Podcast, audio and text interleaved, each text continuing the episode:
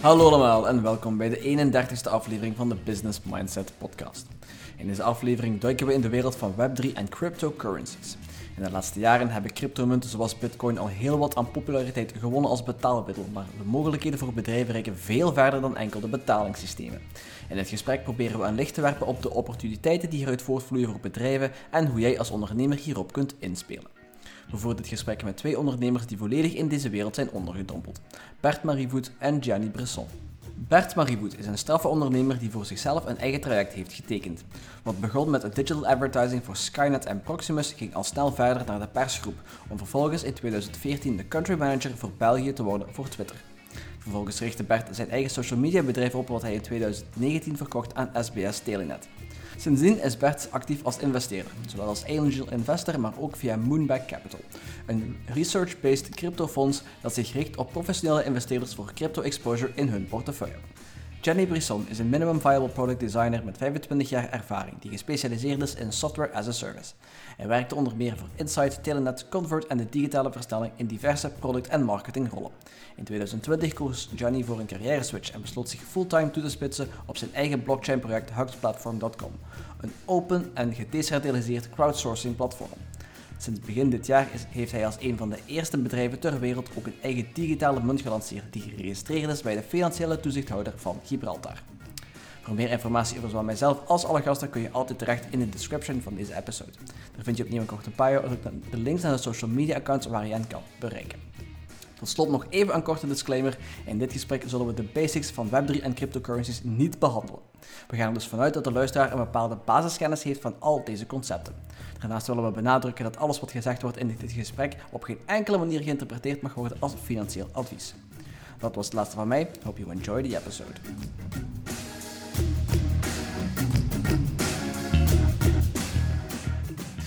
Um, wil me afvragen of ik, of ik moet beginnen met, uh, met een beetje shock of een beetje wat lichter.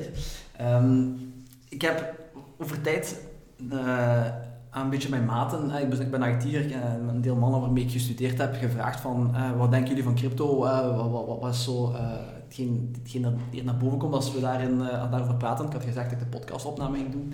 En een van, uh, een van, van die heren die zei heel doodleuk, uh, als, als, ik had gevraagd wat moet ik vragen aan die, aan die man. En hij zei doodleuk, um, ben je mentaal gehandicapt? Of uh, heb je er plezier in om geld af te nemen van mentaal gehandicapten? Ik vond dat triestig. Ik deel die mening niet, maar ik vind het wel kenmerkend dat heel veel mensen daar precies nog een enorme schrik voor hebben. Zowel consumenten als bedrijven. Ja. Uh, en nu zit ik hier met twee mensen die er veel meer van kennen dan ik. En wou ik eens polsen, allee, hebben jullie een zicht op, op, op waar dat het nog, strop, nog, nog vastloopt momenteel? Waar dat mensen nog schrik voor hebben? Wat, wat, wat veroorzaakt die, die toch wel extreme uitspraken, als ik, als ik mag vragen? Ja, ik, ik denk... Uh... Dat is dat, dat lampje van mute brandt hier trouwens, is dat oké? Dat is oké, dat is oké. Um, ik, ik, denk dat het vooral veel te maken heeft met een uh, gebrek aan kennis, eerlijk gezegd. Het, uh, ik, wat ik merk is dat er nog heel veel uh, nood is aan, aan ja, sensibilisering, educatie, om mensen echt uit te leggen wat dat, wat dat crypto eigenlijk is, wat dat blockchain eigenlijk is. Hè? Want laat ons niet vergeten dat dat, dat, bovenop blockchain draait.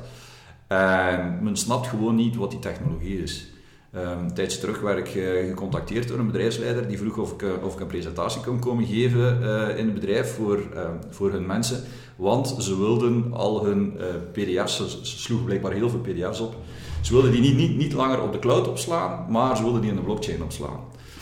En daarom zie je van, ja, mensen hebben een compleet verkeerde perceptie van wat het, van wat het is. En ik denk dat je die lijn kan doortrekken naar alles wat rond blockchain hangt. Crypto is een van de toepassingen daar rond, uh, maar heel veel andere toepassingen ook.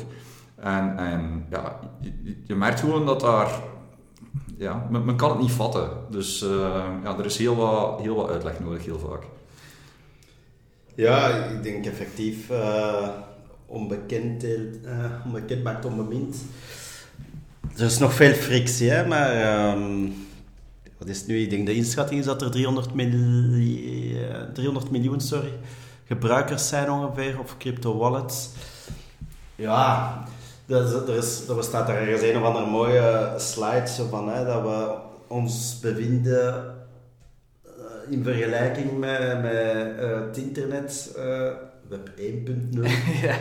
ja. Uh, 97, 98, dat daar... Er waren ook artikels in de Wall Street Time dat het internet ging verdwijnen en noem maar op, en dat nooit door bedrijven gebruikt ging worden en zo. Dus, dus de parallel is er wel. Hè? Ja, maar er zijn heel veel parallellen. Um, maar ik denk het feit dat, dat er... Uh, het is zo van, van early adopters naar early majority aan het geraken in die typische curve, denk ik. Um, het is duidelijk dat uw vrienden niet bij de early majority zitten.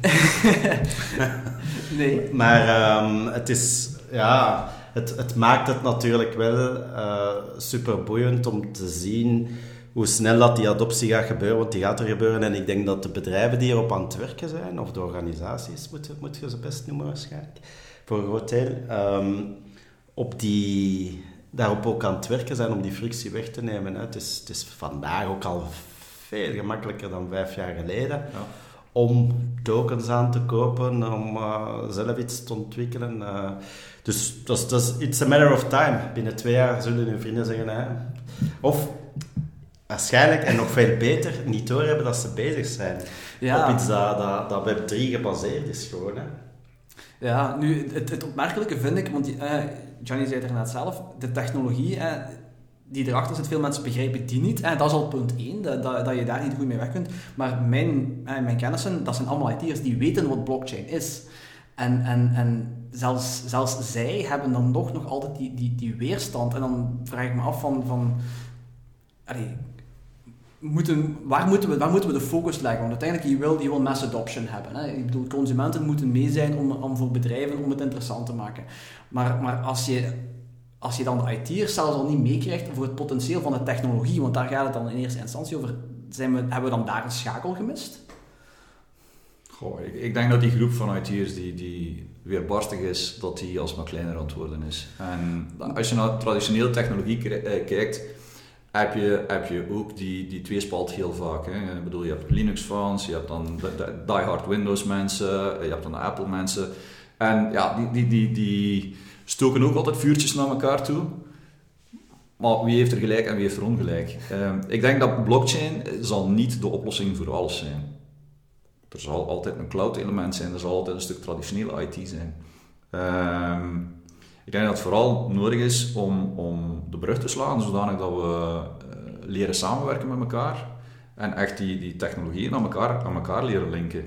En ik denk, dat daar een stuk van het probleem ligt. Uh, dat men denkt van dat dit een, een op zich staand uh, iets is, blockchain. En, maar het probleem zit voor een stuk, denk ik, ook in het ontstaan van, van blockchain en de community die erachter zit, die vaak nogal maximalistisch is in hun uitspraken en ja, in hun manier van doen en in hun aanpak. Alsof blockchain de oplossing is voor alles en alsof crypto de oplossing is voor alles. Maar dat klopt niet. Het is een oplossing en het is een serieuze stap vooruit op veel vlakken. Uh, maar je kan ook traditioneel technologie kan je niet, niet zomaar gaan, gaan uitwissen. Dus uh, ja. Ik denk, ik denk volgens mij ook. Uh, je, hebt, je hebt het uiteraard nu over een groep die al redelijk technisch ja. aangelegd is, of, of er toch professioneel of misschien daarnaast ook mee bezig is. Ik denk dat het echt een kwestie is van daar waarschijnlijk de eerste keer mee echt in contact te komen. En, en ja, want al, al, het, is, echt door ermee aan de slag te gaan dat je voelt wat dat potentieel is. En die boeken of artikels maken het niet noodzakelijk gemakkelijker om, om die frictie weg te nemen. Uh, het is ook voor een deel natuurlijk um, een beetje de, de sector haar eigen fout bijna, zou ik durven zeggen. In de zin van, is geweldig slecht gemarket. Hè. Cryptomunten. Um, de naam alleen al doet een gemiddelde econoom al denken aan, aan, aan een uh, casinospel waarmee dat we bezig zijn. Tokens begrijpen ze dan niet. Dus... Um, ja, de, er zijn verschillende termen in, in Web3 of crypto, blockchain die, die, die wellicht beter hadden gekozen kunnen worden. Ja, en soms ook gewoon foute spellingen. Hodl is zo'n zo, zo, heel grappig voorbeeld dat je zegt van, allee, allee, hoe kan dit nu en toch? Ja. Dat zijn zo van die rare dingen die je, ja, die je echt uitgelegd moet krijgen, denk ik. Om, om daar echt vlot mee aan de slag te gaan. Ja, klopt. Maar ik volg ook uh, wat Gianni zegt. Het, het is een, een fervente community die, die, die, die eigenlijk al op een of andere manier het licht heeft gezien, terwijl dat al de rest nog moet volgen. En ja, die, die zijn zo geen, geen 100, maar 1000 procent overtuigd van, van, van die technologie. Dat daar ook eigenlijk nog weinig mee te debatteren valt in veel gevallen. Hè. Je ziet op Twitter ook uh, de, de, Bitcoin Maxis, uh, ja. gelijk als dat je ze vernoemt. Ja, um, dat, dat zijn heel vaak mensen die, die al, al langer ermee bezig zijn en dus ook uh, geen, geen alternatieven meer zien op den duur, uh, buiten het project waarvoor dat zij werken. Um, dus dat maakt het er niet gemakkelijker op. Maar, uh, is het te afgesloten, de, de, de, de crypto-wereld? Is het te, te fel focus op, op ja, de, de toekomst? Of, of, of dat ik zo'n beetje af uit je verhaal dat, dat, toch fel, te veel de oogklappen op is langs beide kanten dan? Nee, ik, ik, denk nogmaals dat we gewoon super early zijn, hoewel dat, hè, Bitcoin bestaat, is het nu 12 jaar of zo? 13 dacht ik. 13. Ja. Um, we zijn al heel eventjes bezig. Um, ik denk niet dat wat, een van de, de krachten, zeker van wat dat er afgelopen jaar dan gebeurd is op, op, op meer, meer NFT-gebieden en zo, die communities ja, die zijn mensen heel snel aan het uitdijnen en, en, en veel groter aan het worden. Ik denk dat het kwestie is van dat, dat de, grotere massa dan, zo wat de late majority, een paar super praktische toepassingen gaat beginnen ondervinden om te zien, oké, ja, eigenlijk waar, waar dat het dan misschien zelfs niet meer duidelijk is dat zij, of dat zij niet doorhebben dat UX, allee, op, op, op, een app hebben gedownload waarvan dat ze eigenlijk zelfs niet wisten dat het Web3 ja. related was. Um, dus it, it's a matter of time gewoon. Uh, en, en, ik denk, ja, wat, wat dat heel anders maakt dan het eerste internet, hè, web, web of ja, 1.0, uh, is, is dat er nu wel al heel snel een, een redelijk grote community. Hè. 300 miljoen is niet niks natuurlijk. Uh, wel al heel, heel goed door heeft waar dat naartoe zou, zou moeten gaan of willen gaan. Wat dat je nog niet had in 798. Hè. Toen was dat echt nog heel uh, intra qua applicaties. Nu zijn er veel teams al aan het bouwen aan, aan, super exciting stuff gewoon die... Um, dus ik denk dat het anders is en dat daardoor de adoptiecurve ook sneller zal, uh, zal, zal stijgen. Dat we, dat we een, snelle, een veel snellere adoptie van blockchain gaan zien versus adoptie van, van uh, het eerste internet. Maar ik, ik, denk dat Bert daar de nagel op de kop slaat. Hè. Uh, het, is, het is gewoon... Het probleem, het probleem is, het is, het is vaak veel te complex op dit moment nog. Ondanks dat het al veel verbeterd is. Maar ja, je moet dus proberen ten eerste van blockchain of crypto uit te leggen wat dat de technologie erachter is aan, mensen. Um, zelfs ik die toch wel iets of wat vanaf weet, struggle er nog, al, nog altijd mee om het, om het aan het complete leek eigenlijk, uh, om daar een, een, duidelijk verhaal van te maken. Uh, maar anderzijds, eh, ik denk dat we nood hebben aan, een, uh, aan, aan echt een killer app. En dat is nu al jaren dat in de community daarover gesproken wordt van, als de killer app gaat komen, dan en ja, dan telkens komt er iets uh, waarvan men beweert van dat is de killer app. Uh, het is een tijdje van Binance gezegd geweest bijvoorbeeld. Heel de NFT-dingen die nu gaande is.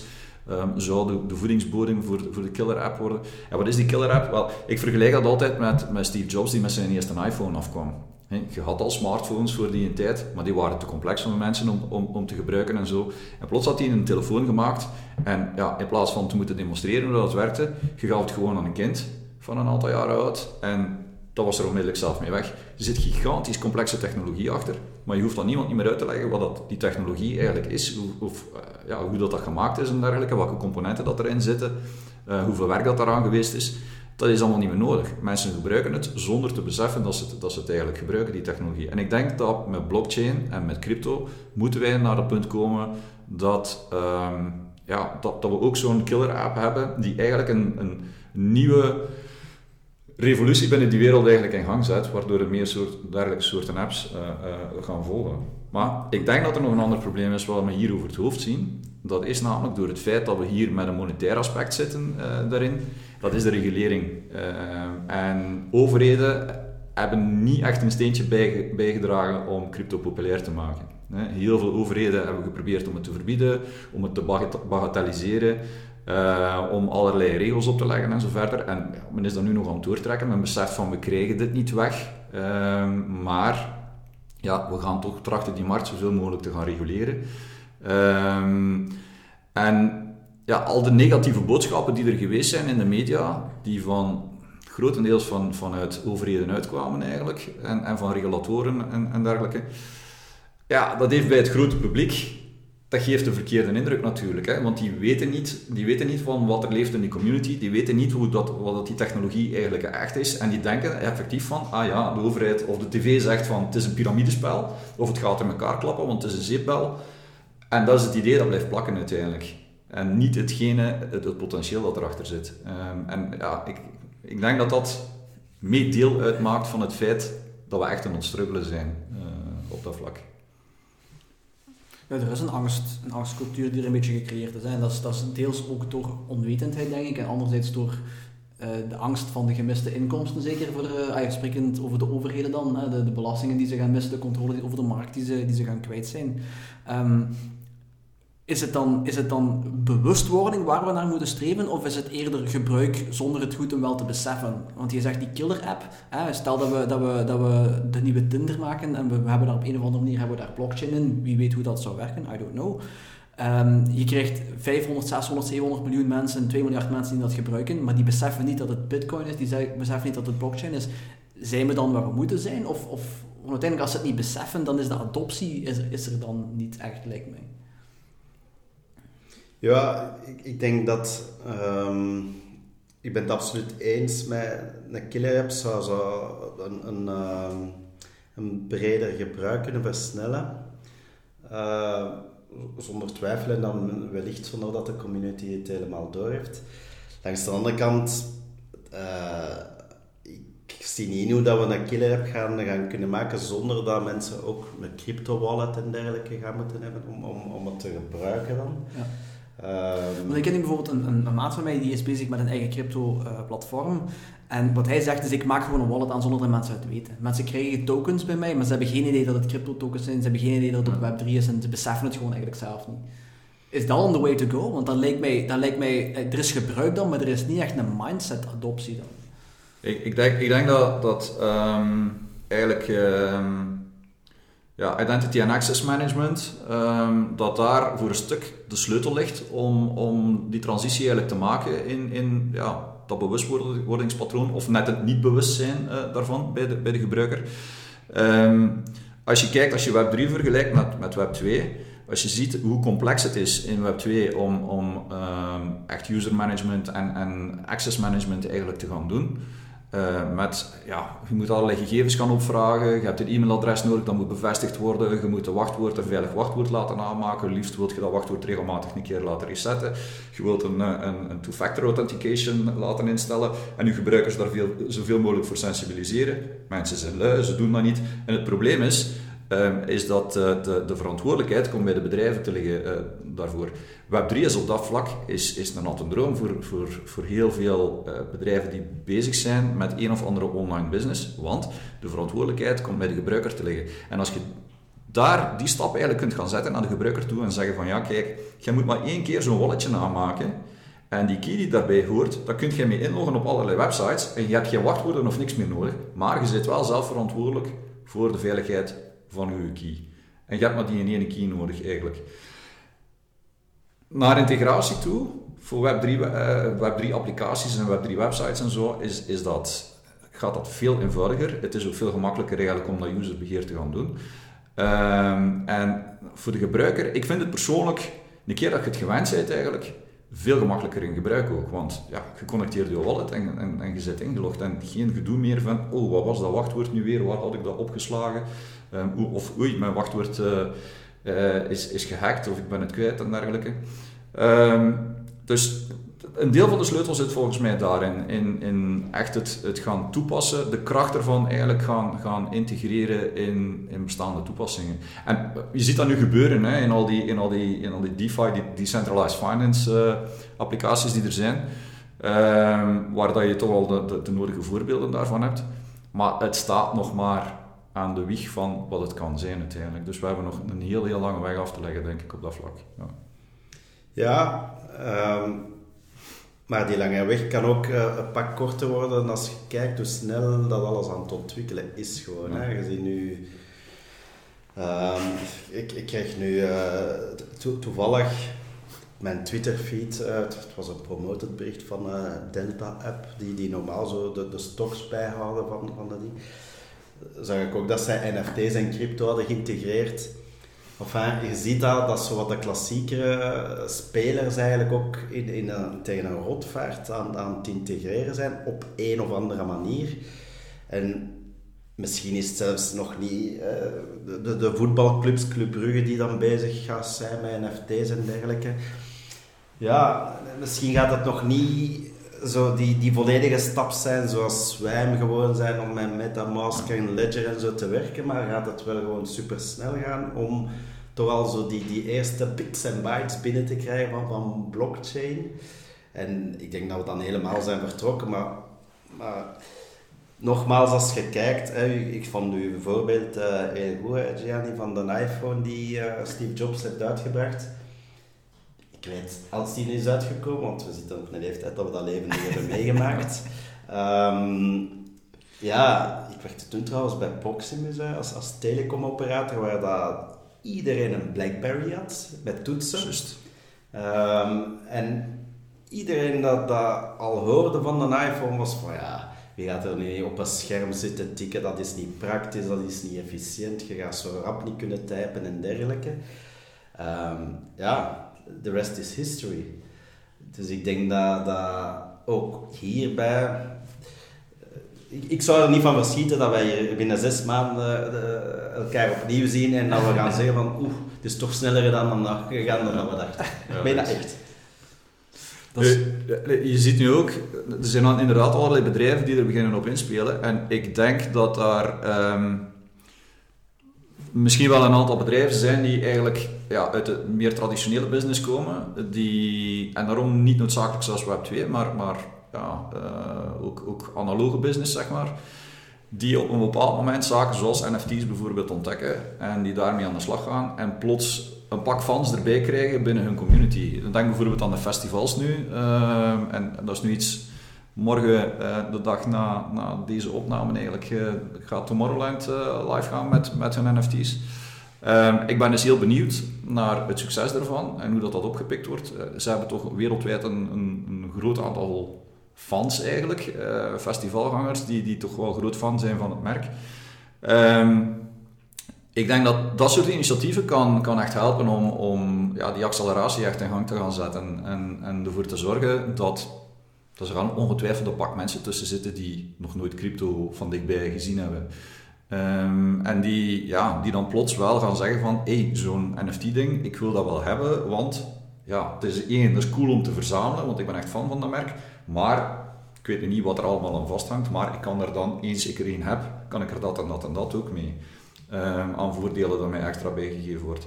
En als men dat eigenlijk, die lijn verder gaat gaan doortrekken, en daar bepaalde perks eigenlijk gaat aan gaan koppelen, uh, die, die mensen daarbij krijgen als ze zo'n zo'n NFT eh, in het bezit hebben.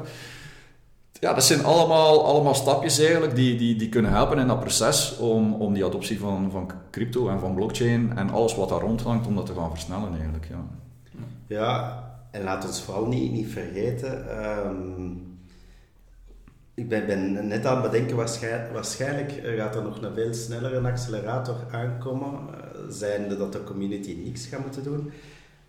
dat is als Instagram zegt van oké, we integreren NFT's, wat dat toch heel, heel expliciet al gecommuniceerd is door Zuck en zijn team. Um, ja, dan, dan is de trein helemaal vertrokken, want het, het, het feit is en daar zit je al met uiteraard massa-adoptie van een Web2-applicatie dan. Ehm, maar mensen die heel veel bezig zijn met hun digitale identiteit, dat, is, eh, dat is de hoofdreden waarom dat je op Instagram ziet.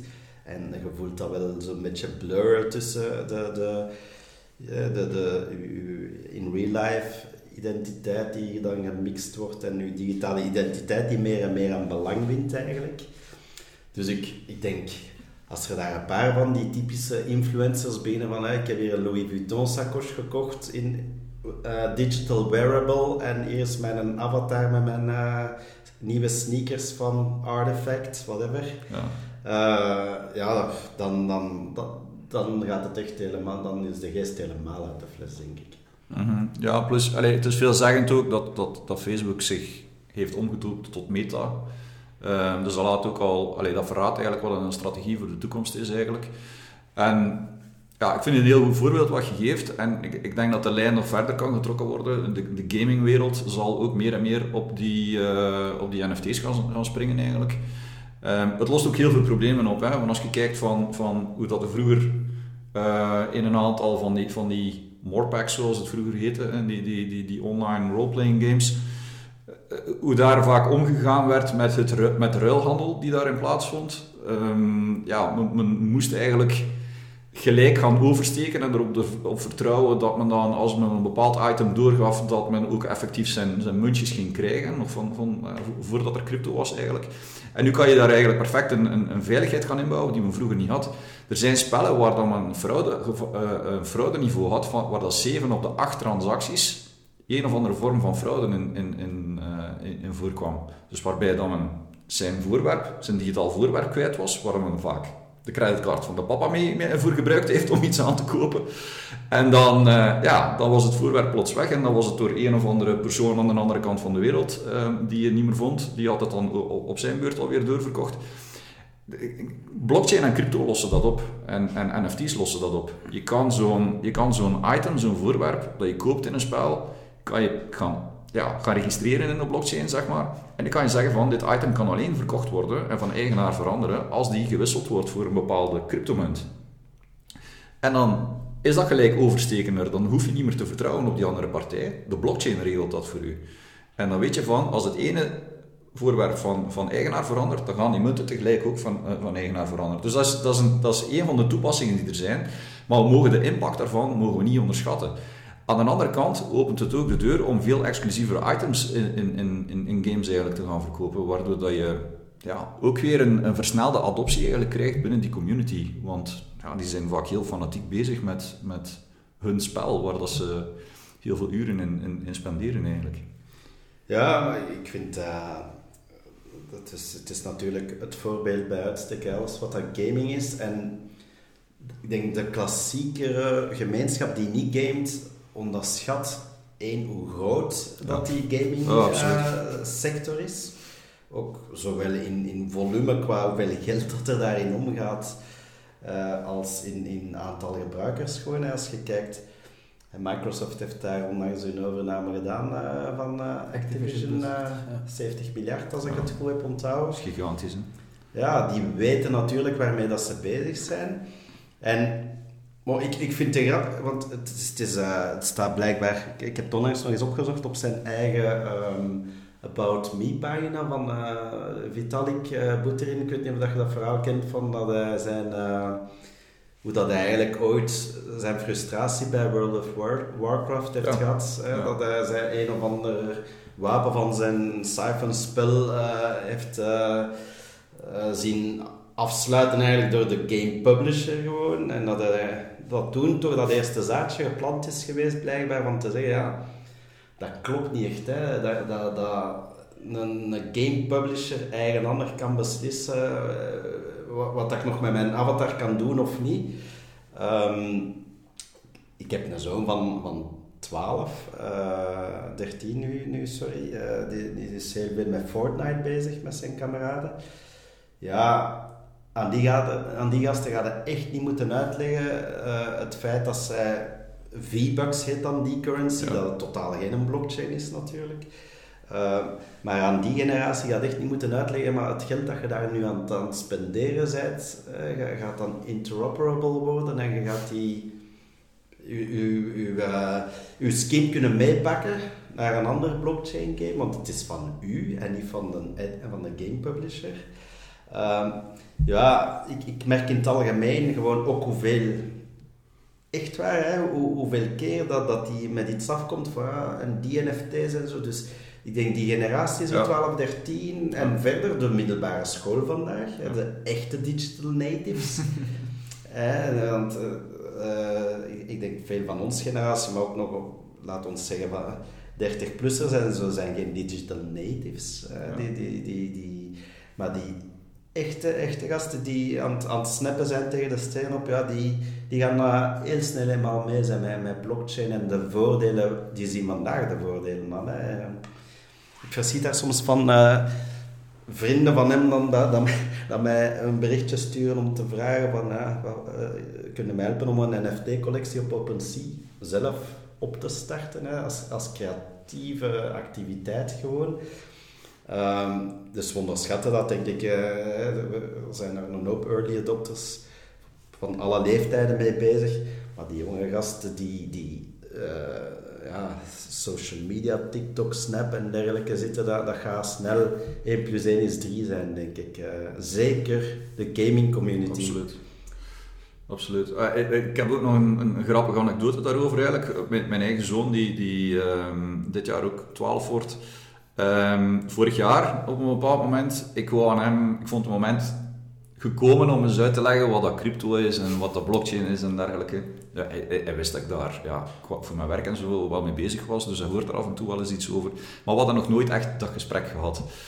En dus ik zeg tegen hem, ik zeg, joh, ik, zeg, ik, ik wil eens een keer neerzitten met u. Ik zeg, we, gaan eens babbelen, papa gaat u eens uitleggen wat dat crypto is en zo. Wat zegt hij, maar ik weet dat al hoor. Ik zeg, ja, ik zeg, wat weet je daarvan? Wat zegt hij, ik heb een, eh, ik heb een bitcoin mining farm. ik zeg, hoezo, je hebt een bitcoin mining farm? Ja, zegt hij, je weet dat ik veel Roblox speel, hè. Ik heb daar ehm, een, een, eh, een magazijn eigenlijk eh, gekocht, zegt hij. En ik heb er een bitcoin mining farm in, in gemaakt. En zegt hij, ja, ik heb dit, ik heb dat. En hij begon daar namen van grafische kaarten te noemen en, en, en cool systemen en weet ik veel wat. Maar ik zeg, toon me dat eens een keer. En effectief, hij had een volledige, volledig datacenter gebouwd daarin. In, in, in Roblox met eh, alles erop en eraan eigenlijk. En, en dat stond te minen eigenlijk. Het was virtueel natuurlijk, het waren geen echte, eh, geen echte bitcoins. Maar dus, het, hij speelde in het spel volledig na hoe dat het eigenlijk in het echt, eh, in het echt eigenlijk gaat. Ik, ik viel bijna van mijn stoel toen, dat ik, toen dat zag. En ik hoefde hem niks meer uit te leggen, die had dat gewoon opgepakt als spelende. Dus dat is het mooiste bewijs van, van dat die generatie die er zit aan te komen, ja, voor die, voor die gasten gaat bitcoin, crypto, tokens, eh, blockchain en dergelijke, dat, dat, dat gaat deel uitmaken van hun cultuur, van, van, ja, van, hun manier van leven uiteindelijk. Dus ik denk dat we ons misschien een beetje te veel zorgen maken dus, eh, op dat vlak. Ja, maar, maar ook op monetair gebied. Hè. Ehm, eh, wat in veel gevallen dan ook de basis gaat zijn. Maar je voelt dat ook aan die generatie. Ja, eh, of dat een briefje groen, geel of, of paars is, die kennen de verschillen bijna niet tussen. eh, zoals, eh, bij ons is dat blindelings, we weten bijna welke kopjes dat er op, een, op 1 dollar of 100 dollar staan. Voor hen gaat dat allemaal digitaal zijn. En, en dus, ja, we, weten, we weten vandaag dat, dat het, internet, het internet money zal crypto zijn. Hè. Dat, dat, zal, dat zal niet lukken met, met, met, met eh, centraal uitgegeven eh, euro's of dollars. Ehm, en, en ja, voelt dat die, of dat dan V-Bucks gaan zijn die vervangen worden door, of dat dan Ethereum is of, of weet ik veel, Apecoins eh, tegenwoordig, dan het, zal, het zal toch crypto zijn. Daar ben ik nu echt wel van overtuigd. Ja, absoluut. Het is ook de eerste keer in de geschiedenis dat we erin slagen van, op digitaal vlak, om dat dubbel spend probleem bijvoorbeeld op te lossen, hè, dankzij, dankzij bitcoin. Ik heb er al veel over nagedacht van wat voor alternatief zou er zijn. Ja, er is niemand in de community die, die, die een alternatief kan bedenken. En, en het werkt effectief. Dus ja, ik, ik zie ook geen enkele reden waarom dat, dat niet de money of the future zou zijn uiteindelijk. Uiteindelijk is dat de money van vandaag ook al. Hè? Want als je nu ziet, het conflict in Oekraïne, heel veel Russen ja. hebben heel veel van hun geld geconverteerd in crypto, omdat hun roebels gewoon geen, geen shit meer waard is. Ik bedoel, ja. Dat alleen al is, is al waanzinnig, vind ik. Dat je, dat je plots ja, ik weet niet of het massaal is, dat durf ik nu niet zeggen, maar gewoon op dat moment dat mensen gewoon de switch maken en dan plots met, met, met iets anders beginnen betalen alsof het normaal is. Ik vond, ja. dat, ik vond dat enorm prachtig toen ik het, toen ik het hoorde.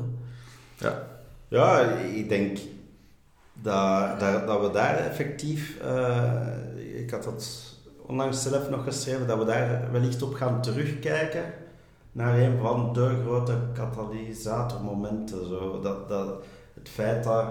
Uh, ik denk dat heel veel mensen door wat er in, nu met Rusland en Oekraïne jammer genoeg uiteraard gebeurd is, dat er bij veel mensen toch ergens ook een zaadje geplant is van, ah, maar dus, dus eigenlijk kunnen banken gewoon je geld bevriezen. Voordat je het weet, kun je nergens niet meer naartoe. Al je andere assets worden gewoon up, helemaal bevroren. Uh, en ze weten dat crypto daar een uitweg is. Je zit natuurlijk nog met andere limieten, genre IP-blokkeringen en weet ik veel. Maar ik, ik denk, ja, ik, had wel eens een vriend die mij zei: van, ja, met alles wat er daar gebeurd is, heb ik goud gekocht. Oké, het is een, een, een, logische reflex, maar uh, gewoon veel minder handig natuurlijk. Hè. Veel minder transportable, niet, niet, je kunt het niet delen, je kunt het niet naar de andere kant van, van de wereld sturen zonder uh, in problemen te geraken. Dus ja, ik denk dat dat, dat, moment dat gaan al toch... Uh, volgens mij, naar mijn inschatting in de geschiedenis van, van uh, crypto, ergens een piekmoment zal zijn. Ja, nee, absoluut. En, en je ziet steeds meer verhalen komen eigenlijk van mensen die zowel Oekraïne als Rusland ontvluchten. En dan, ja, dat, ze hun crypto op een USB-stick of op een laptop staan. Allee, of tenminste, ja, een crypto staat daar niet op, maar, maar een private key staat daarop. Um, en ja, ze zijn het land buiten er is geen enkele douanier of zo die, die, die weet wat daarop staat of die eraan kan. Uh, het is niet meer gelijk vroeger dat er, dat er een pak dollarbiljetten in, in je tas zat en dan ze zeiden, wat is dat hier man, kom, uh, betaal maar boete en geef de rest maar af, al hetgeen dat boven 10.000 dollar is of zo. Uh, het, is niet meer te controleren, het is niet meer tegen te houden. Aan de andere kant zie je nu ook berichten van de Russen en het zal interessant zijn om te zien hoe de andere overheden daarop op reageren. Uh, die zeggen van ja, kijk, als wij niet meer in dollars kunnen handelen voor zaken als olie en gas en, en, en graan en dergelijke, dan doen we het in crypto. Hè. Dat is heel simpel, dan, dan lossen we het op die manier op. En dan, dan omzeilen we alle, alle wetgeving die er is en alle, alle software die, die SWIFT-transacties tracht te blokkeren en dergelijke.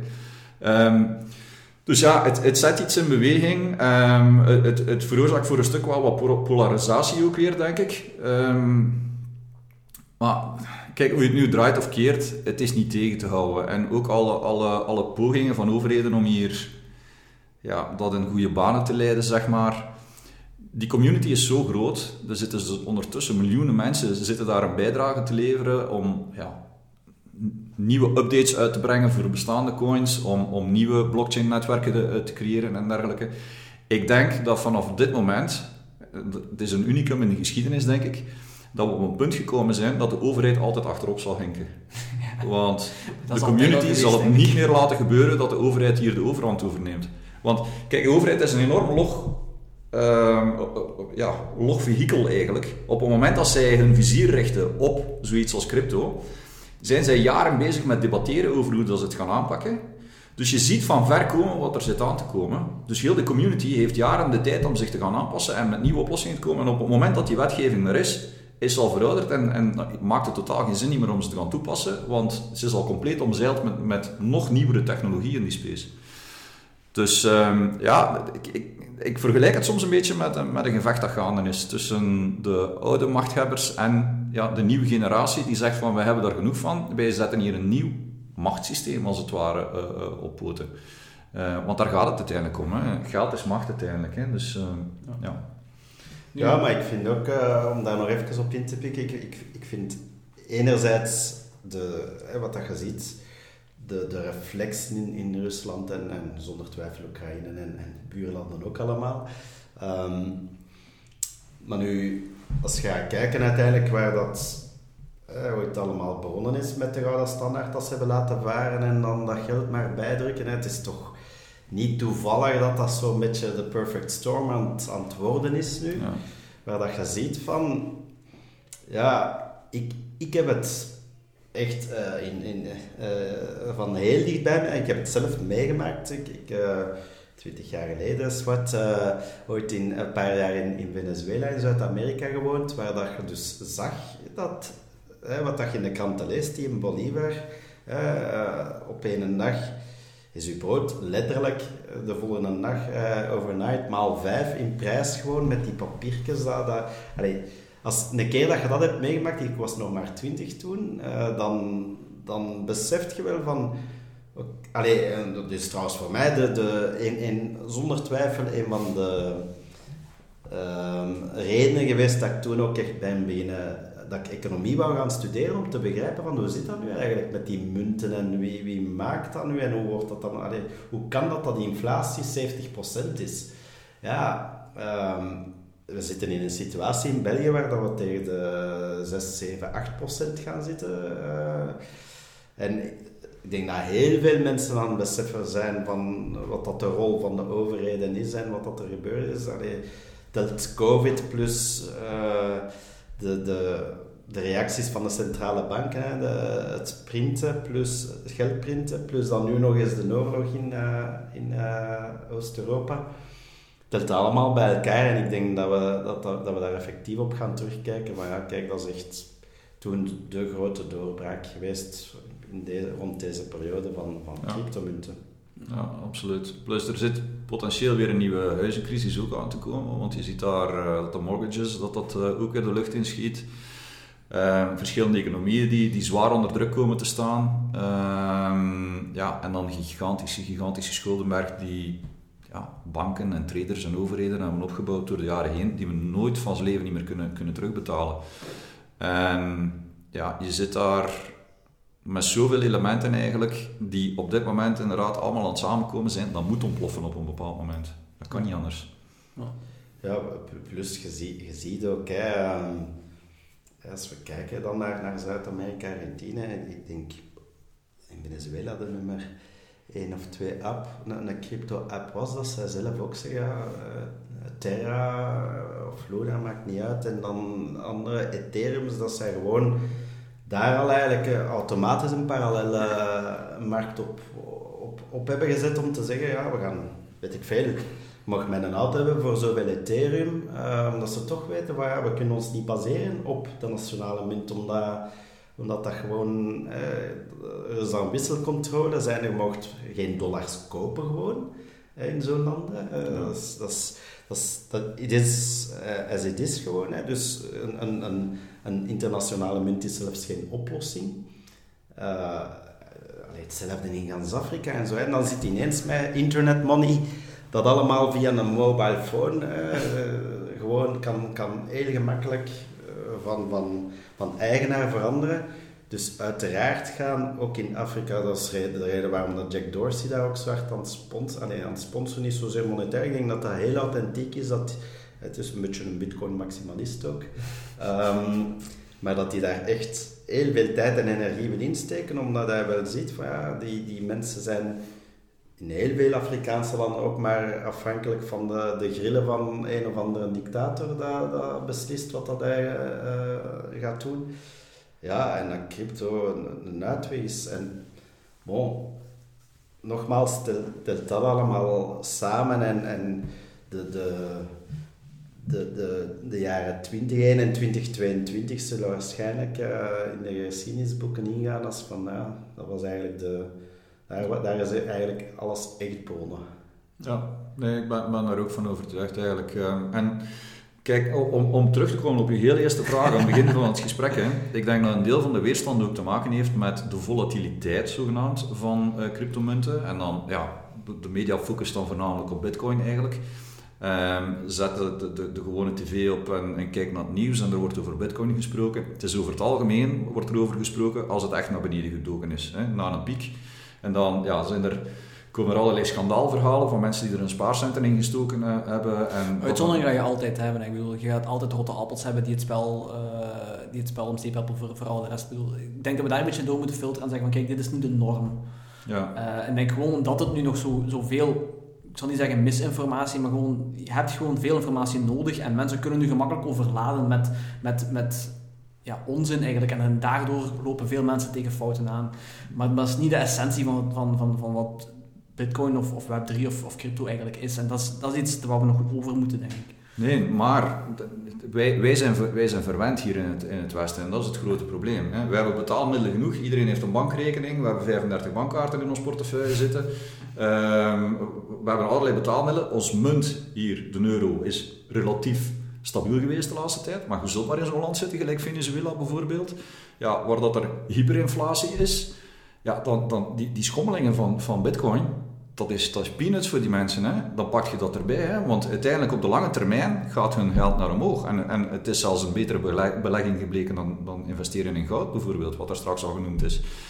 Um, dus daar snapt men, snapt men wat, wat dit eigenlijk kan. Ja, voor ons, ja, oei, ja, ik heb bitcoin gekocht, het is 20% naar beneden. Ja, maar ginder, ja, het is 20% naar beneden. Maar als ik mijn lokale munt bijhoud, dan is die, dan is die volgend jaar is die niks meer waard. Dat is ook zo die curve, de, de crash in 29. Ja. Als je dan ziet, hè, dus hoe, hoe die gezakt is toen, dat was bijna 70% ging je naar omlaag. Als je dat kijkt op de curve nu, dat is een millimeter hè, op, op een curve die, die, die, Ja. die centimeter hoog gaat. Dat is gewoon on, onwezenlijk hoe dat toen... alles in verhouding en alles, alles is gewoon... allee, wat, wat je zelf zegt, ik bedoel, de, de, de gigantische drama's van toen zijn, zijn verwaarloosbaar vandaag. Dat is iets wat, wat vandaag elke week gebeurt, bij wijze van spreken. Diezelfde drop in, eh, in, in, in, in value. Ja, dat is waar. Nu goed, allee, het komt er. Hè. Ik bedoel, ik denk dat we het daar wel over eens zijn dat er, dat er alleszins een, een, een misschien niet universele, maar vrij grote adoptie gaat zijn naar, eh, naar Web3. Ehm, ik heb nog altijd het gevoel dat de Belgische bedrijven daarin blijven hangen. Ehm, dat daar nog niet genoeg naar gedaan wordt. Er zijn een aantal die dat uiteraard wel doen. Hè. Jullie beiden hier aanwezig eh, als, als deel van dat clubje. Ehm, wat, wat moeten wij nog doen? Of, of hoe kunnen Belgische bedrijven zich nu al stappen zetten richting Web3? Je hebt uiteraard crypto-betalingen, hè, dat is misschien één, één, eh, één mogelijkheid, maar dat is niet, dat is niet fundamenteel een, een oplossing, denk ik. Dus, dus hoe moeten bedrijven nu beginnen inspelen op die, op die trend? Ik, ik, ik denk dat het ook weer te maken heeft met, met een stuk onderwijs naar, naar bedrijfsleiders toe en naar, naar C-level mensen toe. Ehm, men ziet alleen maar dat betaalaspect heel vaak.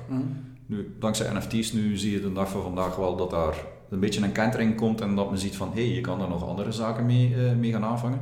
Maar je kan echt enorm veel met, met, met, blockchain eh, gaan aanvangen. Mijn eigen bedrijf, wij zijn eigenlijk bezig met B2B-oplossingen eh, te maken. Het, het betaalaspect, dat zit echt op een, een beetje op een zijspoor, zeg maar. Eh, allee, het, het is er wel, maar het is niet de focus van, van hetgeen dat we aan het doen zijn. We zijn echt, echt aan het focussen op het opbouwen bijvoorbeeld van identity en reputatie in, in, in de blockchain. Waarbij de gebruiker die zelf in handen heeft en, en daar zelf ja, bepaalde zaken mee kan gaan doen, zeg maar, binnen bedrijfstoepassingen. En dat besef, zelfs binnen de crypto community, is die kennis eh, nog niet voldoende aanwezig. Want zelfs met mensen die al een hele tijd met crypto bezig zijn en zo, hebben wij, zelfs in die community, hebben wij vaak nog moeite om te gaan uitleggen van, ja, maar weet je dat je er eigenlijk dat en dat en dat ook allemaal mee kan gaan doen. Dus men, men beseft de volledige kracht eigenlijk nog niet van het verhaal. Dus ik denk dat we nog voor een periode staan van toch zeker nog, zeker nog een jaar of tien, waarin dat er nog heel veel, heel veel eh, onderwijs eh, zal nodig zijn, heel veel ja, sensibilisering ook. Ehm, nu, de bereidheid is er wel. Dus laat ons nu niet eh, gaan doemdenken of zo. Als ik zie het aantal bedrijfjes dat uit de grond gestampt wordt, dat eigenlijk aan, aan ja, cursussen aanbiedt en, en workshops organiseert en dergelijke. Niet alleen naar particulieren toe, die, eh, want er zijn natuurlijk de get-rich-quick schemes op, eh, op social media en dergelijke, maar dat, dat is nu niet waar ik het over heb. Eh, er zijn tal van bedrijven die op een serieuze manier daarmee bezig zijn met daar, met daar rond te maken. En je ziet dat er toch wel heel veel vraag is van, eh, van bedrijven eigenlijk van, ja, hoe zit het nu eigenlijk? En ik, ja, de afgelopen jaren, ik, ik word constant gevraagd eigenlijk om te, om te komen spreken voor allerlei boards of directors en, en aandeelhouders en, en eh, vakverenigingen en dergelijke, eh, om gewoon met praktische voorbeelden af te komen. En heel vaak zeggen we dan van, ja, zorg er wel voor als je eh, wat, wat, uitleg komt geven en wat slides maakt en zo, dat het toegepast is op onze bedrijfstak. En, kijk of dat je use cases kan vinden.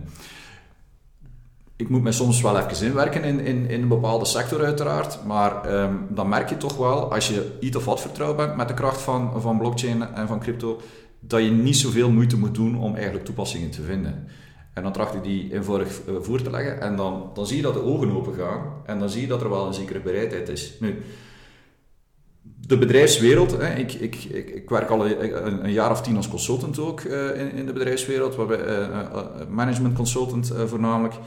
je merkt dan wel, men heeft bepaalde strategische doelen en men heeft bepaalde budgetten vooropgesteld om bepaalde zaken te gaan ontwikkelen. Het moment moet ook juist zijn voor een bedrijf om zo'n toepassing te gaan inbouwen.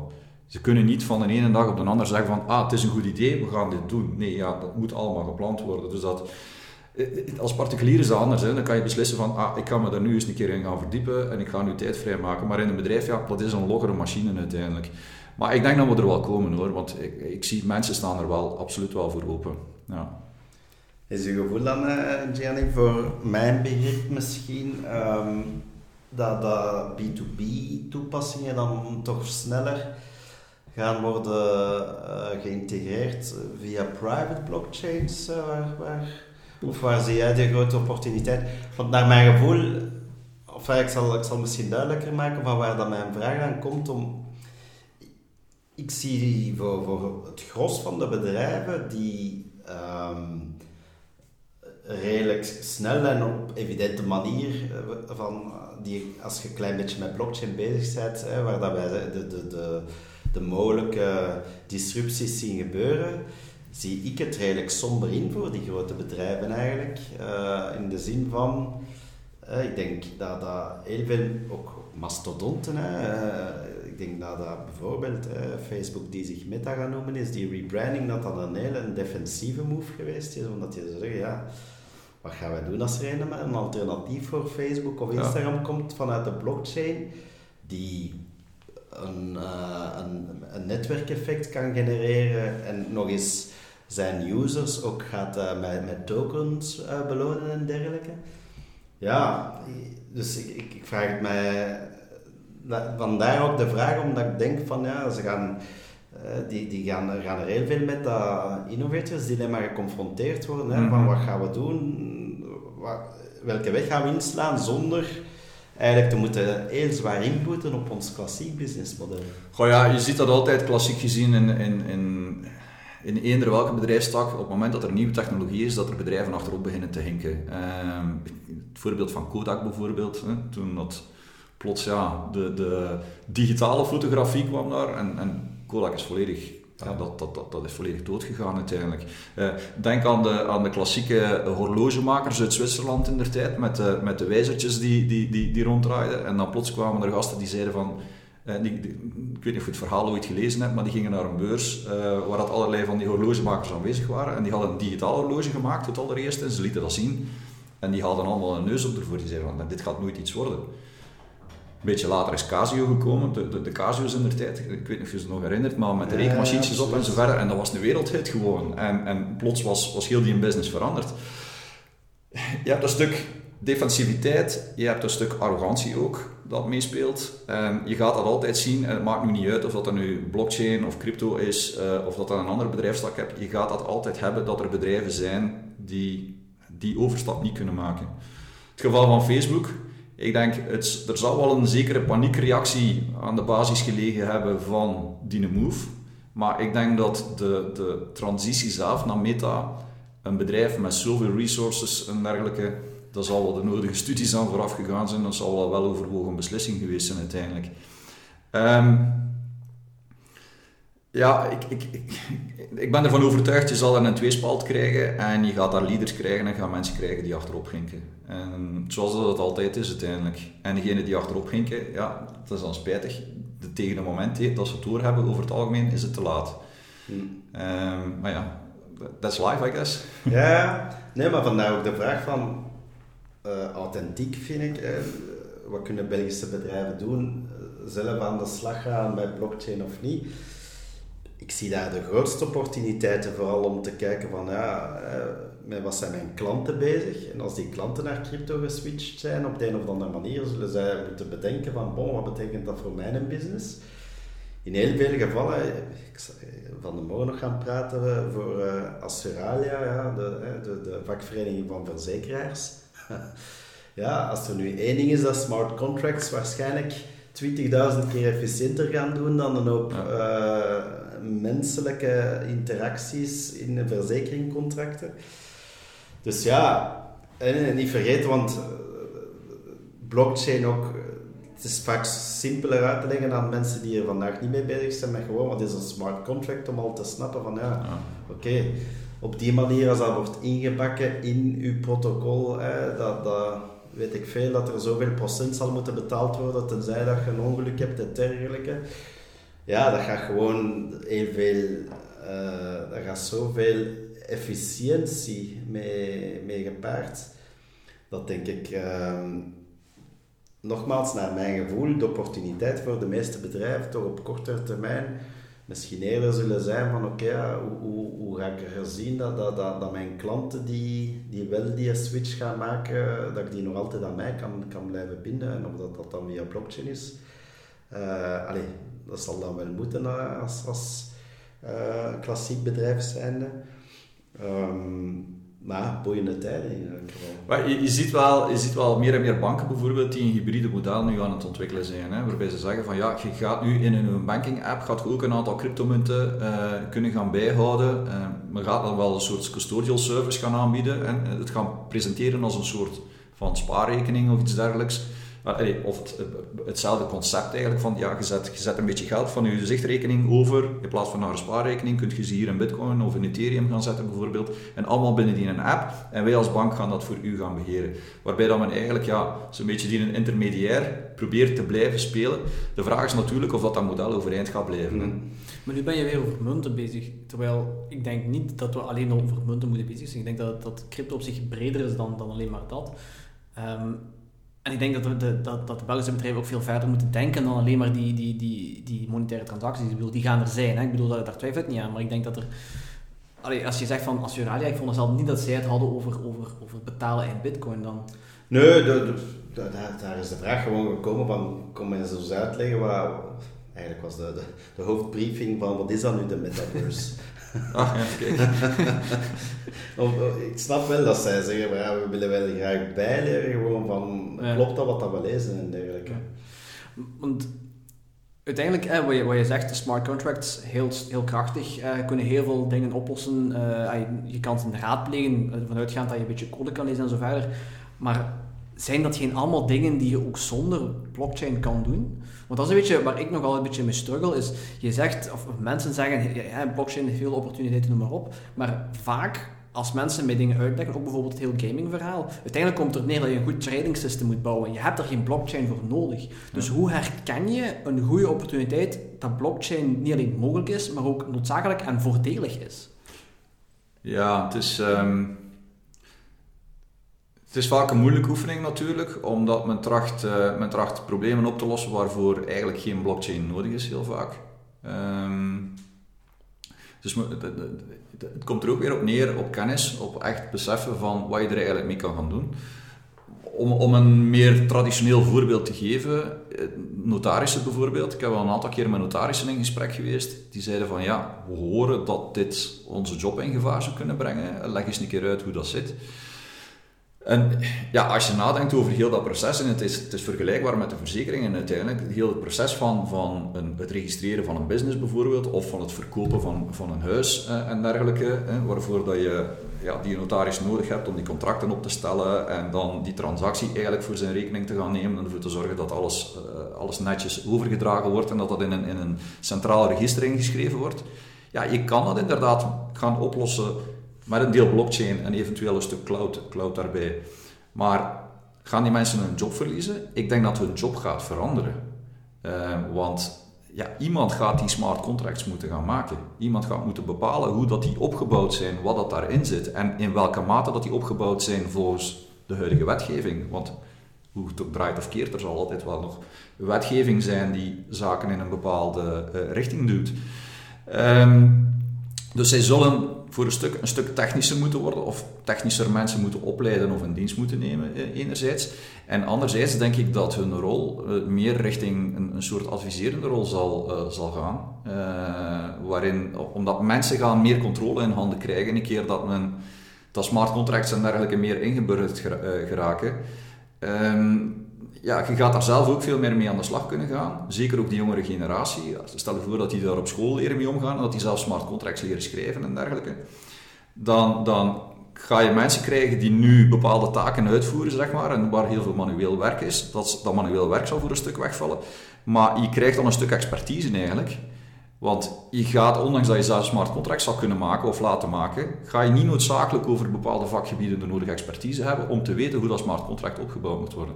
Zie je, dus er komt eigenlijk een shift in de manier waarop dan een bepaalde dienstverlening eigenlijk gaat gaan doen. Gaan er jobs verloren gaan? Waarschijnlijk wel. Gaan er nieuwe jobs gecreëerd worden? Vast en zeker. Nee, maar daar ben ik mee akkoord. Maar mijn vraag is eerder van, dat wat jij nu net omschrijft, dat kan je doen zonder blockchain. Dat kan je doen zonder smart contracts. Dat kan je doen met een goede webservice die de nodige uh, wetgeving noem op allemaal in rekening brengt.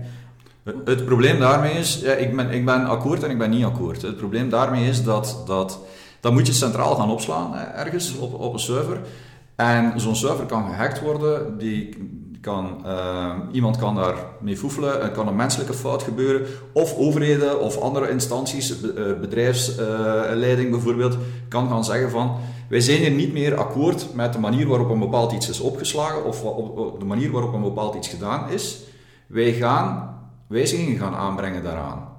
En, uh, of wij gaan bepaalde data gaan wijzigen of wij gaan nu bepaalde rechten gaan afnemen en zo. Dat is niet mogelijk met blockchain. Want zeker niet met dat decentraal, uh, door dat decentrale karakter.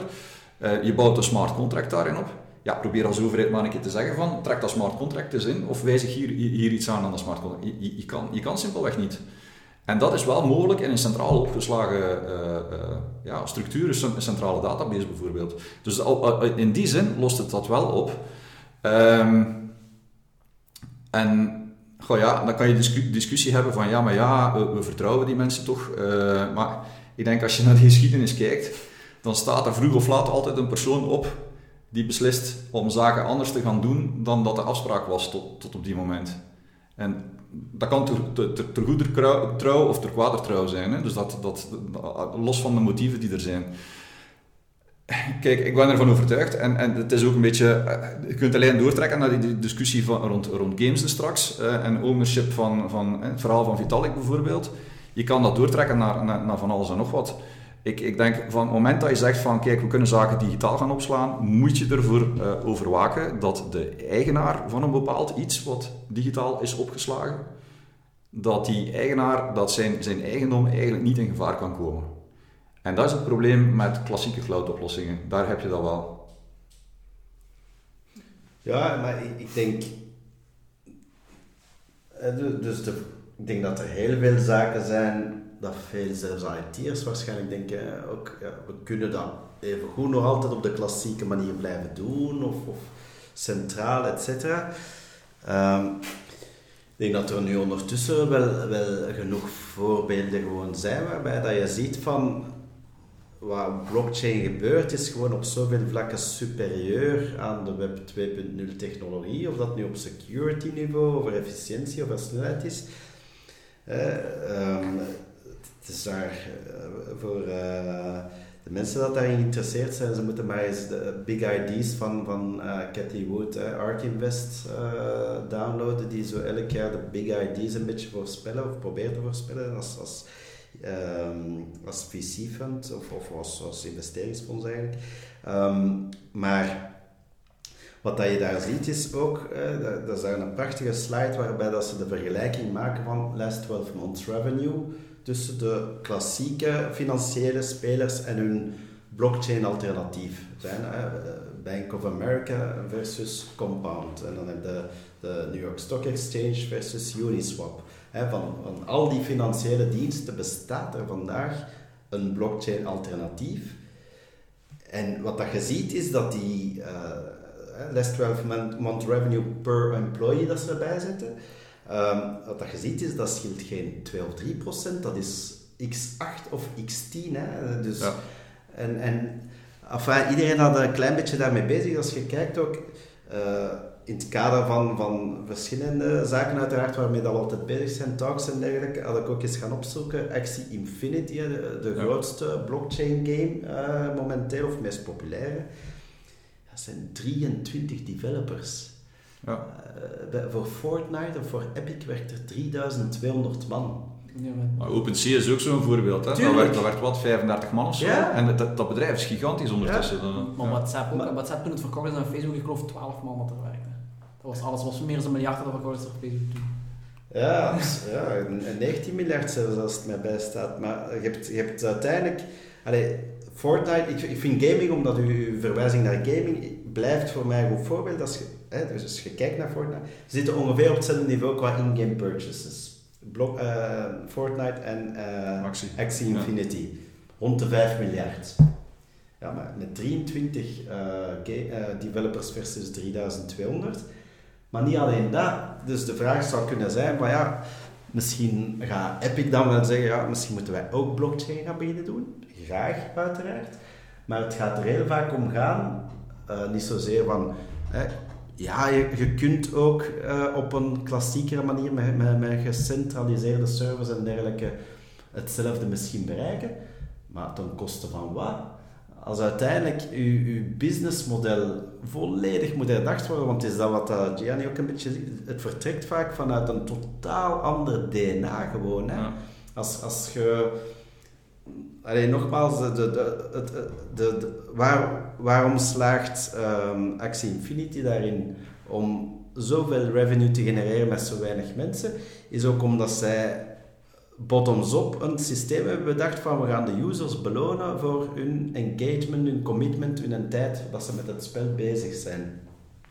Uh, die gemiddelde user verdient 2000 US dollar per maand door actief te zijn uh, op, op, uh, met die game. Dus die effectief betaald worden om te spelen. Play to earn heet dat dan in, in, in ons ja. jargon. Um, ja, als jij ineens naar zijn een klassiek bedrijf aan uw aandeelhouders moet uitleggen van wat vinden jullie van het idee dat we vanaf nu 80% van onze revenue aan de users terug gaan geven? Ik denk dat, dat, dat, dat een gemiddeld bedrijf gewoon uh, gaat zeggen van ja, have fun, ik ga mijn aandelen verkopen als jullie dat van plan zijn. Uh, want dat, dat gaat niet gebeuren. Uh, dus vandaag is het model gewoon zo, staat zo hard tegenover elkaar van een klassiek bedrijf uh, even goed met meta en zo. Als, als, daar een, een, alternatief komt die zegt, ja, bij ons gaat het, gaat het voor het bijdragen aan de blockchain Instagram, want daar komt het uiteindelijk op neer. Hè. Dus dat is ook gegroeid en je ziet dat trouwens ook, vind ik, aan, aan de, de, de talent drain uit het klassiekere Silicon Valley bedrijven naar ja. Web3 er zijn heel veel mensen, echt, echt de meest getalenteerde mensen die, die een overstap maken. Um, en wat dat je merkt bij heel veel van die, van die blockchain-bedrijven is dat die vertrekken vanuit een overtuiging van oké, ik ga nu eindelijk iets kunnen bouwen waarbij als het een succes is, dat mijn vleugels niet worden kunnen geknipt. Van het moment dat we beginnen vliegen, zegt vandaag in de huidige wereld one of the big guys, kom, uh, kom dat maar bij ons doen. Desnoods met een vijandig bod. Uh, gedecentraliseerde projecten kun je niet overkopen. Uh, uh, en en dat, dat zal de grote frustratie van heel veel grote bedrijven zijn, volgens mij. Um, maar dus vooral als je gaat kijken naar de manier waarop dat die ontstaan, is heel vaak een reactie tegen big tech vandaag. Tegen Google, tegen Meta, tegen Apple. Um, en er zijn genoeg verhalen hè, van mensen die hun app ineens uit de App Store zien verdwijnen, waar, dat ze niet weten waarom, terwijl ze goed aan het bouwen waren. Facebook-accounts die worden afgesloten omdat ze daar ergens iets misdaan hebben, YouTube-accounts en dergelijke. Ja, dat is een eindig verhaal dat mensen zich gaan neerleggen bij die uh, monopolies van die big tech die alles beslissen voor de users. En ik denk dat, dat de kracht dat daar juist wordt gebouwd om te zeggen, ja, we gaan, we gaan de users centraal zetten. Het voorbeeld dat ik altijd geef aan, aan mensen die, die, om het proberen te begrijpen, uh, social media zijn de beste voorbeelden uiteindelijk, omdat iedere user, en zeker de sterke users met heel veel volgers, die, die bijdragen tot het succes van die app uiteindelijk via hun netwerkeffect. Iemand die YouTube-filmpje maakt van uh, dat, dat, dat 500 miljoen keer bekeken wordt, mm -hmm. die, die wordt daar vandaag eigenlijk peanuts voor, voor betaald. Hè. Een klein beetje advertising en dat is het. Ja, de dag dat er iemand met een model komt, en dat gaat er komen, blockchain-based om te zeggen, maar nu gaan we degene die het meeste bijdragen tot het succes van onze app ook het meeste belonen. Een beetje hè, wat dat play to earn is, maar dan zal het misschien right to earn of, nee. of create to earn zijn. Ja, Dus uiteindelijk, als ik, jou, als ik jouw verhaal goed begrijp, is het eerder van we moeten gaan naar andere businessmodellen en niet zozeer naar business implementaties. de implementatie is gewoon dat model toelaten, als ik het goed begrijp. Ja, ik, ik ben minder, ik, ik ben absoluut geen specialist in alles wat dat, uh, de, de, de blockchain en zeker niet B2B of private blockchains allemaal kunnen. Uh, zonder twijfel, hè, je, je, je, ziet ook dat Carrefour het toepast om hun, uh, hun provenance op, op, met, met VeChain en dergelijke te kunnen gaan bekijken. Van, op een heel gemakkelijke manier eigenlijk kunnen gaan tracen van waar worden onze goederen ingekocht. Hè. Dat ze via de blockchain heel snel kunnen zien als er nog eens een of andere ziekte uitbreekt. Uh, de, de, de, de, klassiekers die we de laatste jaren allemaal hebben gezien, hè, vogelziekten en dergelijke, dat ze heel erop kunnen gaan tracen van welke speler heeft nu waar eigenlijk ingekocht van welke fabriek. Ja, dus daar zullen tienduizenden voorbeelden uh, zijn dat blockchain de centrale manier van werken zal, zal uh, gaan vervangen. Maar dat is niet, mijn vakgebied, dus ik kan daar minder... Uh, ik denk per bedrijf zal er wel een mogelijkheid zijn of hun CRM beter maken of, of hun klantenrelaties op een andere manier gaan organiseren. dat is iets waar ik professioneel wel mee bezig ben, want wij zijn een platform aan het bouwen eigenlijk, waarop dat ja, appbouwers of, of die appbouwers, decentralized apps, um, eigenlijk hun eigen applicatie kunnen gaan bouwen en dan de power of the crowd kunnen gaan gebruiken om die te, dan in te schakelen om bepaalde taken te gaan uitvoeren, zeg maar. Er zijn heel veel taken die de dag van vandaag op het internet die men verwacht van gebruikers om uit te voeren. Of ja, het hoeven niet altijd taken te zijn, maar je verwacht bepaalde acties van gebruikers of je verwacht bepaalde data van gebruikers, dat ze die delen met u. Maar dat kan allemaal niet gemonetiseerd worden. Wij zijn ons platform eigenlijk zo aan het bouwen dat dat ten allen tijde gemonetiseerd kan worden door de gebruiker eigenlijk. Dus wat dat zijn contributie ook is dat hij bijdraagt, of het nu een bepaalde job is dat hij uitoefent uh, uh, op een of ander platform, of dat het het delen is van zijn persoonlijke data, of dat het het helpen is van iemand anders met iets, of dat het het mee updaten is van een of andere wiki-website uh, of iets dergelijks. Dat, men, dat daar altijd een, een verschillende verloningen tegenover staan. Eén, dat men daar een reputatie mee kan gaan opbouwen, die dan ja, gelinkt is aan het eigen profiel, de eigen wallet eigenlijk. Um, en dat daar anderzijds dat er een monetaire uh, transactie is, waarbij dat men dan een beetje crypto krijgt. In ruil voor hetgene wat men gedaan heeft. En ik denk, ja, dat is ook een model eigenlijk wat, wat ja, aan het komen is, wat aan het vormen is. Want uiteindelijk, B2B in, in heel de blockchain en de crypto space hinkt een beetje achterop op het B2C-model. Maar ja, je begint meer en meer voorbeelden te krijgen eigenlijk. En eens dat dat balletje ook aan het rollen gaat, zal het heel veel bedrijven aan, aan het denken zetten. Maar het zal ook heel veel bedrijven voor het blok zetten. Want je, gaat, je kan inderdaad, zoals dat je er straks zei, je kan niet zomaar je businessmodel ineens gaan, gaan, gaan omschakelen. Als je daar met een multinational zit waar je 40.000 man in dienst hebt en je hebt bepaalde logge processen ondertussen opgebouwd, want dat is het over het algemeen uh, meestal. Je hebt interne politiek, je probeert je users op een bepaalde manier aan je, aan je te binden. En dan plots ineens moet je zeggen van ja, eigenlijk kunnen we dit gaan doen. In plaats van met 40.000 man kunnen we dan met 300 man gaan runnen. Ja, wat ga je doen? Al die mensen op straat zwieren? En dat, dat gaat zo, maar niet. Dus ja, het zal, uh, het zal een interessante strijd worden die, die, die, we gaan te zien krijgen. ongetwijfeld eigenlijk, ja. ja dat zijn we vooral aan het denken aan, aan, aan businessmodellen denk dan. Hè. Allee, ik, vind het, ik, ik vond een heel interessante piste die, die, die, die je omschrijft, omdat ik had gedacht aan, aan vooral aan denken aan waarom zou je bitcoin gebruiken, maar als je dan echt ja, vanuit de user zelf gaat vertrekken, dan, dan, dan dan kan het bijna niet anders. dat is misschien voor je uitgedrukt, maar dat is... Nee, maar ik, ik denk... Mijn gevoel is echt dat we zonder te onheilspellend willen klinken of zo, maar dat we heel veel Kodak-momenten gaan uh, zien. Uh, veel meer dan dat wat vandaag wordt ingeschat. Dat heel veel bedrijven uh, het vandaag niet eens door hebben, maar dat als een tsunami gaat komen van oei, we hebben geen users niet meer, geen gebruikers, geen klanten. Uh, lastig. Um... En is het dan voor de Belgische bedrijven, of bedrijven in het algemeen, essentieel dat ze daar nu al over beginnen na te denken? Want, want allez, wat jij net omschreef, dat is een, een gedachtepiste die ik voor mezelf nog niet had kunnen vormen.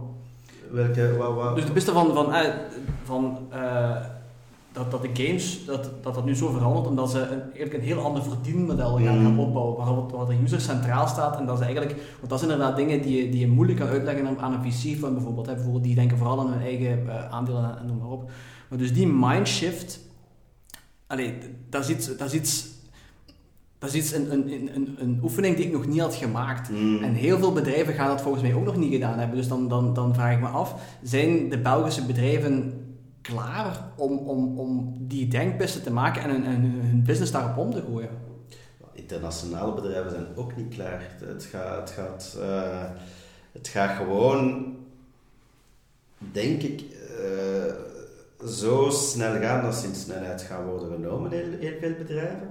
Maar ook de impact ervan, het, het feit dat die businessmodellen letterlijk op hun kop worden gezet en dat um, ja, die, die, die Kodak-momenten, zoals we ze daarnet hebben genoemd, niet, niet één keer, maar, maar twintig keer per, per uh, zoveel tijd gaan, op heel korte termijn gaan plaatsvinden, um, denk ik dat zij vooral gaan moeten nadenken van ja, in deze nieuwe, met, in deze nieuwe realiteit, hoe gaan we ons eruit vinden of wat gaan we moeten doen om uh, überhaupt nog relevant te zijn. Um, maar geldt dat voor alle bedrijven? Want je hebt bijvoorbeeld ook, uh, om, om eens te zeggen, iemand die, ik zeg maar iets, die, die, die, die whisky maakt. Ik bedoel, die maakt flessen whisky, verkoopt die aan, aan, aan, aan groothandels die dat doorverkopen, noem maar op moet zelfs zo'n bedrijf daarover beginnen nadenken? Of is het vooral als je, als je richting consumer gaat, waar je echt de mensen uh, kan engageren, kan motiveren, kan laten deelnemen van aan het proces? Uiteindelijk... Goh, kijk, ja, dergelijk, vroeg of laat komt er dan zo'n whiskymerk dat, dat, dat met zijn eigen NFT's uitkomt. En met zijn eigen exclusieve flessen waar een NFT aan gekoppeld is. En uh, waar dan als je een bepaalde reeks van exclusieve NFT's hebt, dat je dan een jaarlijkse proeverij kan komen doen in de stokerij en dergelijke, dergelijke dingen. Tuurlijk, maar dus, dan ben je weer van bedrijf naar consumer bezig en dat snap ik, daar ben ik ook mee akkoord. Maar die tussenbedrijven, eh, de groothandels naar de warenhuizen, noem maar op, die vallen dan tussen de communicatie uit dan. Ja, supply chain zal ook eh, een, een belangrijk aspect zijn dat gaat aangepakt worden uiteindelijk. Hè. Dus dat, uh, ja, eigenlijk als, als wat ermee te maken heeft, zie je nu dat er heel veel op gefocust wordt. En dat men eigenlijk die toeleveranciers, die vroeger nooit of te nooit uh, ja, aan de oppervlakte kwamen, dat die nu plots wel in de picture beginnen komen. En dat we beginnen ons af te vragen van, ja, hoe verlopen jullie processen? Hoe efficiënt zijn die aan jullie kant? Um, en Kijk, dat is ook weer de druk die van de user uitkomt. De user wil weten van, verloopt alles correct? Uh, bij al die leveranciers, uh, is alles ecologisch te tegenwoordig of, of, op een correcte menselijke manier gemaakt? maar ook, waarom kost dit product zoveel en waarom kost het maar zoveel aan, aan die kant? Heel vaak heeft dat met processen te maken die daarachter zitten. Hoe efficiënter dat je die processen kan gaan maken, hoe goedkoper je je product in de markt kan gaan zetten. Of hoe meer features dat je er kan, kan, kan gaan, gaan bij verzinnen. Dus we, hebben, we, komen uit een maatschappij waar er heel, heel erg hard top-down gedacht werd. En waar er heel erg veel vanuit de bedrijven eigenlijk... Bedrijven kwamen met een idee en pushten dit naar de consumers toe. Dat heeft eigenlijk een eerste omslag gekend met de opkomst van het internet. En men heeft dan geprobeerd van dat klassieke model ook op die internetbedrijven te gaan toepassen. En heel vaak had dat te maken met een, of ging dat gepaard met een stuk arrogantie van bedrijven en, en, en ja, in de manier waarop dat zij eigenlijk hun users behandelden. Um, ik zal een voorbeeld geven. Neem bij de opkomst van het internet, uh, er waren, op een moment van tijd waren er mastodonten van, van bedrijven eigenlijk. En dan, um, als je een aantal bedrijven zoals America Online, wat, een gigant was uh, gedurende een korte periode in, in, in heel die inbel-internet-historie uh, in der tijd, maar ze leverden een heel slechte klantenservice. Nu, doordat internet dat plots open ging, mensen konden beginnen communiceren, begonnen een slechte ervaringen met elkaar te delen en begonnen eigenlijk te eisen dat zij op een correctere manier behandeld werden. Dat zij behandeld werden zoals zij wilden behandeld werden, zoals zij hun naasten zouden behandelen eigenlijk, in plaats van dat die bedrijven eigenlijk de regels gingen gaan bepalen. En dat is eigenlijk de eerste transitie die eigenlijk is ingezet geweest.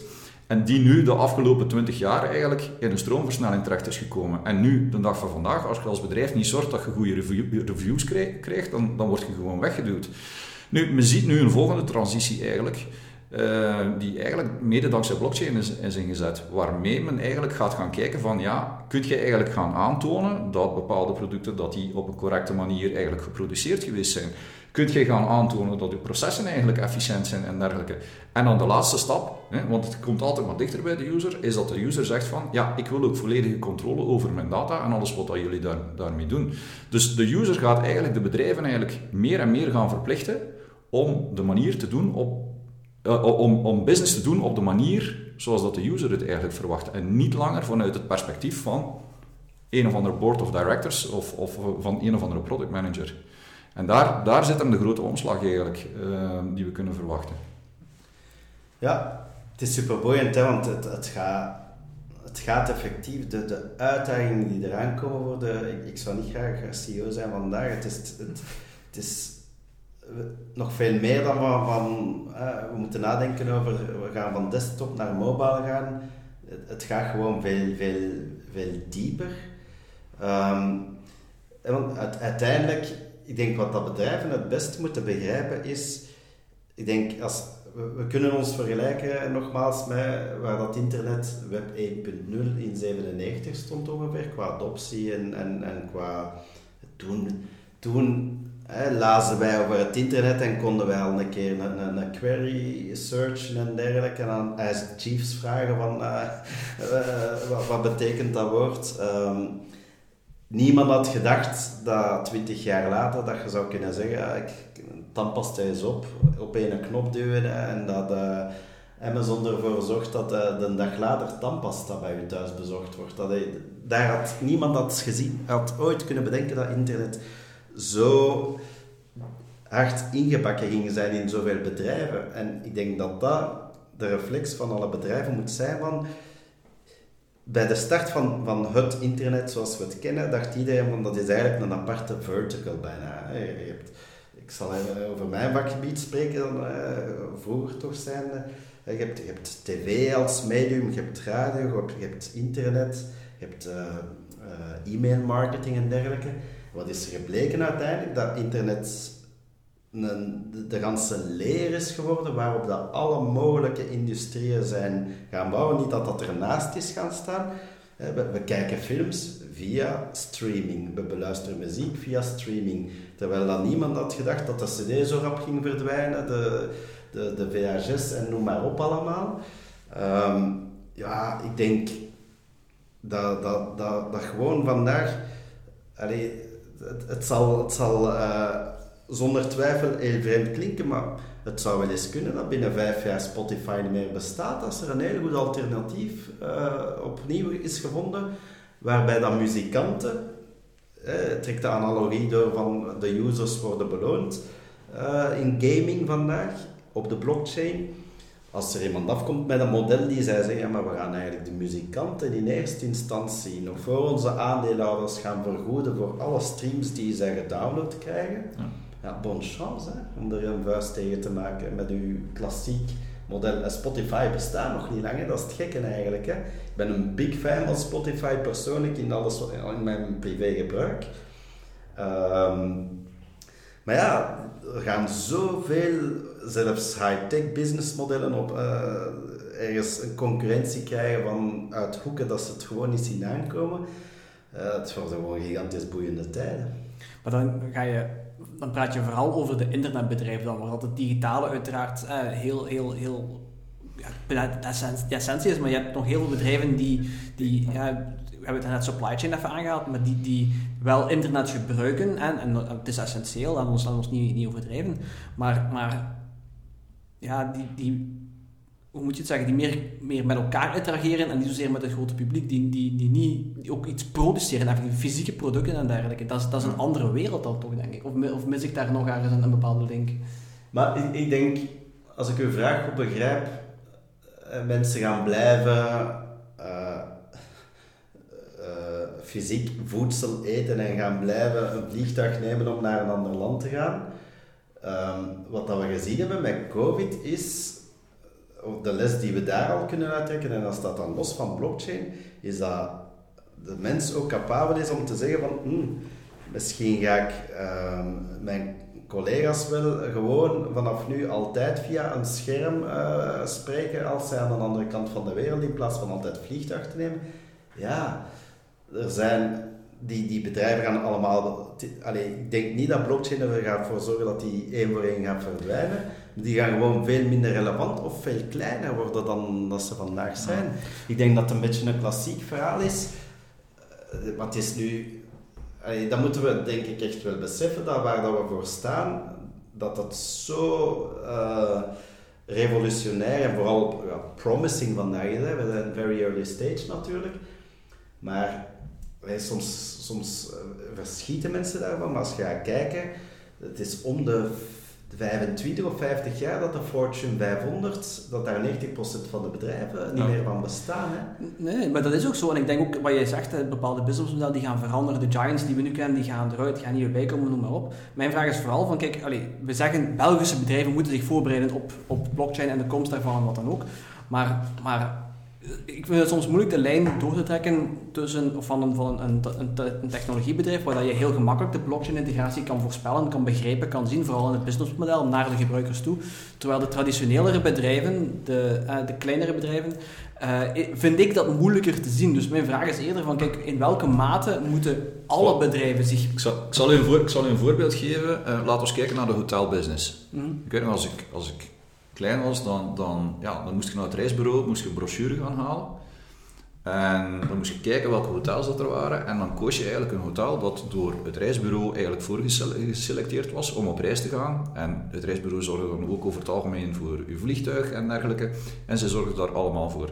Nu, er was een periode daarvoor nog dat er geen echte reisbureaus waren. Dat je echt naar een plaats ging en dat je, ja, ter plaatse moest regelen, zeg maar. En dat er dan vaak ter plaatse eh, een bureau was uh, om je te helpen, op weg te helpen en zo.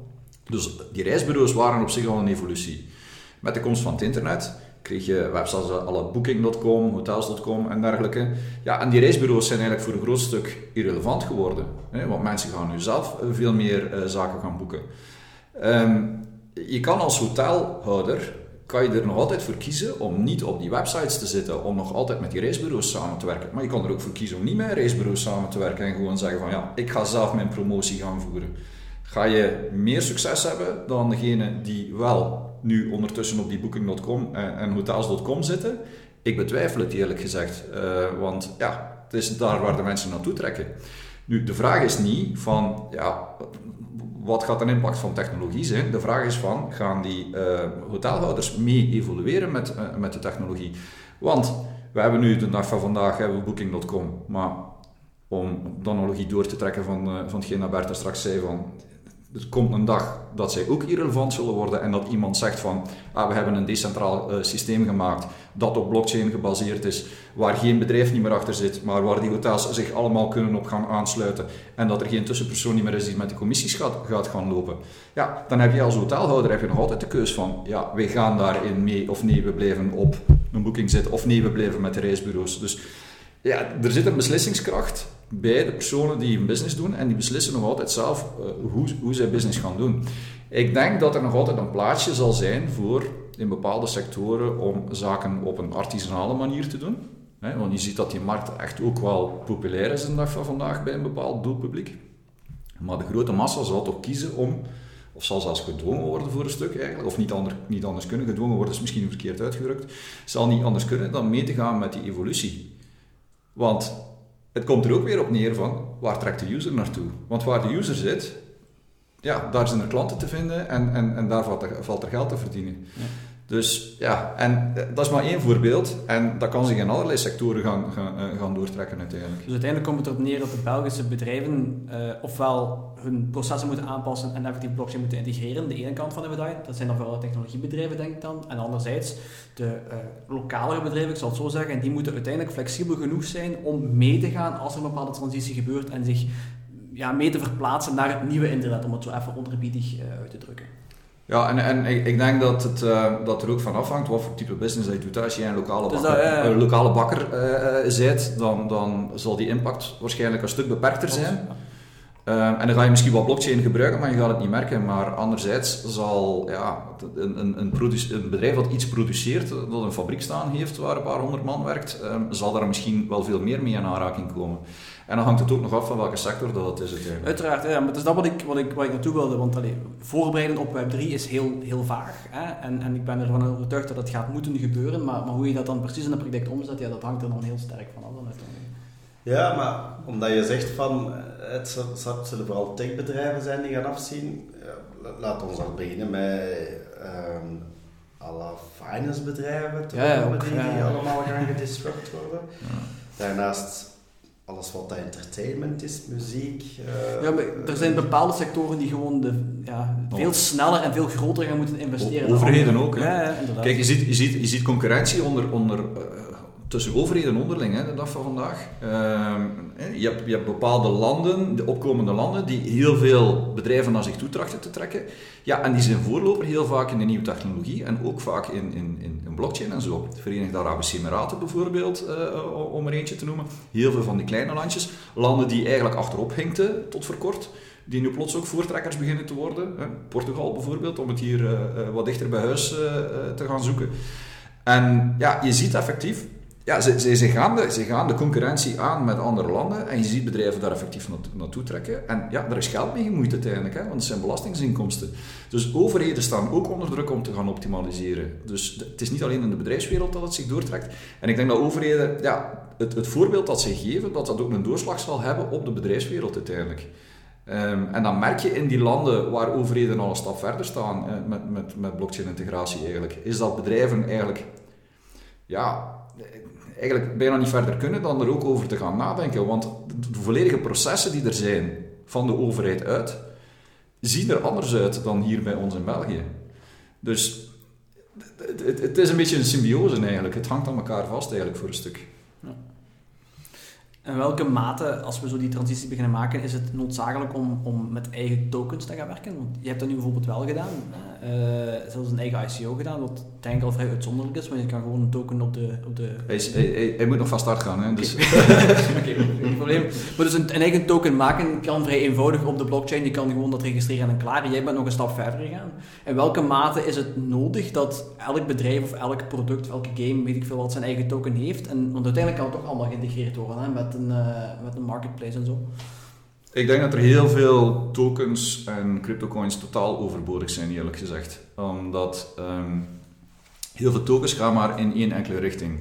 Iemand doet iets waarvoor dat hij beloond kan worden en die token wordt gegeven en de persoon die de token ontvangt kan er voor de rest, voor de rest niks mee.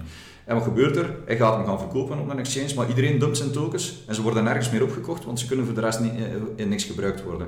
En daar zit de fout, de denkfout in heel veel van die modellen eigenlijk. En dat is ook ja, waar dan de term shitcoin vandaan komt. Pardon my French, maar, uh, maar, maar, de term is op zich niet zo slecht gekozen. Um, ja, heel vaak is er niet nagedacht over dat economisch model. Kijk, in een, in een, in een goed economisch model gaat een, een, een munt, los of dat dan nu een, een, een crypto-token is of, of, uh, of een klassiek uh, betaalmiddel, gaat in alle mogelijke richtingen kunnen, kunnen circuleren en gaat voor van alles en nog wat als betaalmiddel gebruikt kunnen, kunnen worden. En dat is het probleem met heel veel van die tokens. Als je zoiets gaat gaan integreren, één, je moet een reden hebben om dat te doen. Um, en twee, je moet ervoor zorgen dat de munt echt kan circuleren en dat hij echt in, in, op verschillende vlakken eigenlijk een waarde en een, en een toepassingsgebied heeft. En dan, zoals ze in het zeggen, then it makes sense uh, om, om uh, iets dergelijks te gaan doen. Ik merk spijtig genoeg dat er veel bedrijven zijn die daarmee struggelen om daar het juiste model in te gaan vinden. Dus um, ja, het is, ik, ik denk dat, dat het sector door een, een louteringsproces aan het gaan is op dat vlak.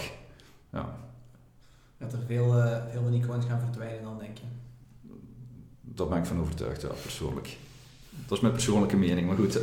ja, nee, nee, maar ik, ik denk, het, het, het, klopt ook als je kijkt hoeveel dat er dagelijks bij komen. Wat zijn er nu in totaal? 12.000 uh, of dergelijke dat je op CoinGecko kunt terugvinden. Um, er zijn er heel veel, ik probeer maar wat uiteindelijk. Uh, maar ik denk dat, dat de vraag eerder, uh, dus ik ben, ook het, ik ben er ook heel erg van overtuigd, hè, dat, dat, is, Dat is trouwens ook, uh, dat is, dat is ook onze dagelijkse job. Hè. Wat dat we bij Moonback doen is eigenlijk een selectie maken van te kijken gewoon van welke zijn nu promising en welke zijn shitcoins. Uh, en, en, dat is niet gemakkelijk, daar komt heel veel research bij kijken en er zijn een hoop shitcoins, er zijn veel cowboys die rondlopen gewoon en proberen eigenlijk op voorhand al een, een gelijk als dat dan heet, in gedachten hebben om te zeggen van oké, we gaan hier snel een cash grab doen.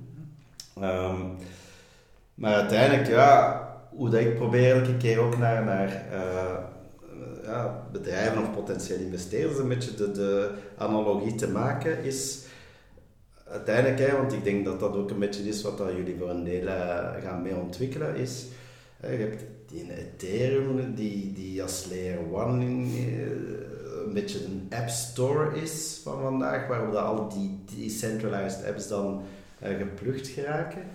Um, ja, dat is een beetje hetzelfde verhaal. Er zijn uh, van, van de miljoenen apps op de App Store die er vandaag zijn ook. Hoeveel hebben we gemiddeld op onze telefoon? een paar tientallen en dat zit die we echt gebruiken en dan diegene die we heel veel gebruiken. Alleen, opnieuw, ja, is, is, bij, bij blockchain is het dan nog een iets ander model, omdat de currency dan vaak, hè, de token is dan de fuel van, van die economie uiteindelijk, van die app, hoe dat die wordt opgebouwd. Um, dus dat zal denk ik een hele gezonde evolutie zijn, dat er daar een hele hoop van de kaart verdwijnen terug. Ja. Um, maar een beetje om op jouw vraag te antwoorden, ik denk dat bedrijven vooral heel goed moeten nadenken als ze denken zelf een token te moeten ontwikkelen. Uh, ik denk dat de technologie net zodanig gebouwd wordt dat, uh, onder andere waarschijnlijk wat dat Gianni en consorten zullen we verder blijven ontwikkelen, is het eigenlijk heel gemakkelijk maken om op bestaande blockchain infrastructuur te kunnen inpluggen. Ja. En dan te zeggen, ja, je moet absoluut niet denken dan, dat het nuttig is om, om uh, een tweede Ethereum uit te vinden. Ik zeg nu maar iets. Nee. Nee, ik denk ook niet dat het de bedoeling moet zijn om een tweede Ethereum uit te vinden, maar ik denk dat veel mensen snel de, de, de hebben van ik ga mijn eigen token maken, dan heb ik hem onder controle of dit of dat, terwijl, ja, ik, ik weet het niet. Dat is, dat is precies zo'n beetje de, de, de bijvoorbeeld elke game heeft zijn eigen token. Jij sprak er straks van V-Bucks, van, uh, van, van uh, Fortnite. Van Fortnite. In principe hadden ze ook gewoon Ethereum kunnen nemen. Dus, nee, ja. Nee, ja, nee, dat, ging, niet, dat, ging niet goed, dat ging niet goed gekomen hebben. Nee, maar, maar dat is, alleen wat Fortnite is uh, volledig gecentraliseerd. Dus ja, V-Bucks is... is geen blockchain of geen token, geen crypto. Uh, net omdat het uh, gecentraliseerd is allemaal. Nee, oké, dat is een voorbeeld, maar het andere game weet ik niet meer wat je... Ja, Axie Infinity. Ja, exact. Ja, dat, die gebruiken Ja, maar dat, dat is...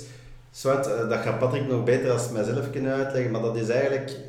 Je, je, hebt bepaalde... je hebt layers waarop dat dan andere tokens gaan... er zijn heel veel tokens die Ethereum als basis gebruiken, maar...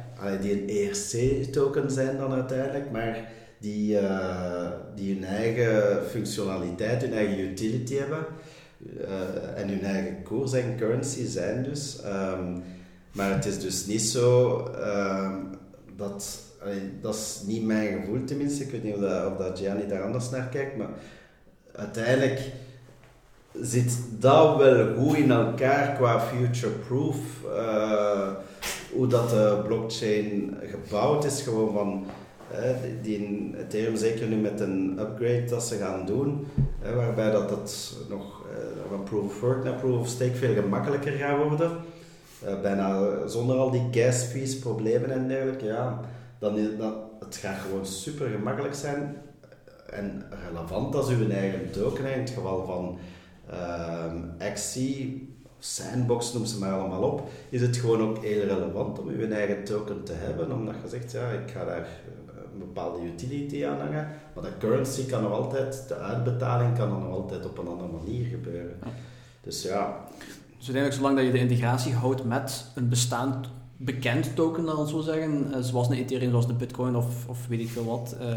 Ja, je ziet dat de meeste, de meeste partijen tegenwoordig wel bovenop een bestaande blockchain gaan, eh, gaan, gaan bouwen. Hè. Je krijgt een beperkt aantal blockchains dat er echt bovenuit begint te steken. Je hebt een aantal uitdagers voor Ethereum natuurlijk. Wij, wij zelf zijn op Solana aan het bouwen. uh, vanwege de schaalbaarheid. En ehm, ja, mensen beseffen dat vaak niet, maar Ethereum kan om de 13 seconden 70 transacties verwerken. Solana doet er 50.000 per seconde. Dus ja, ja dus zie je wel, die schaalbaarheid. Uh, maar dat, ja, het prijselement speelt ook mee. Want je ziet de gas fees, de, de, de, de pan uitswingen op Ethereum. Ja.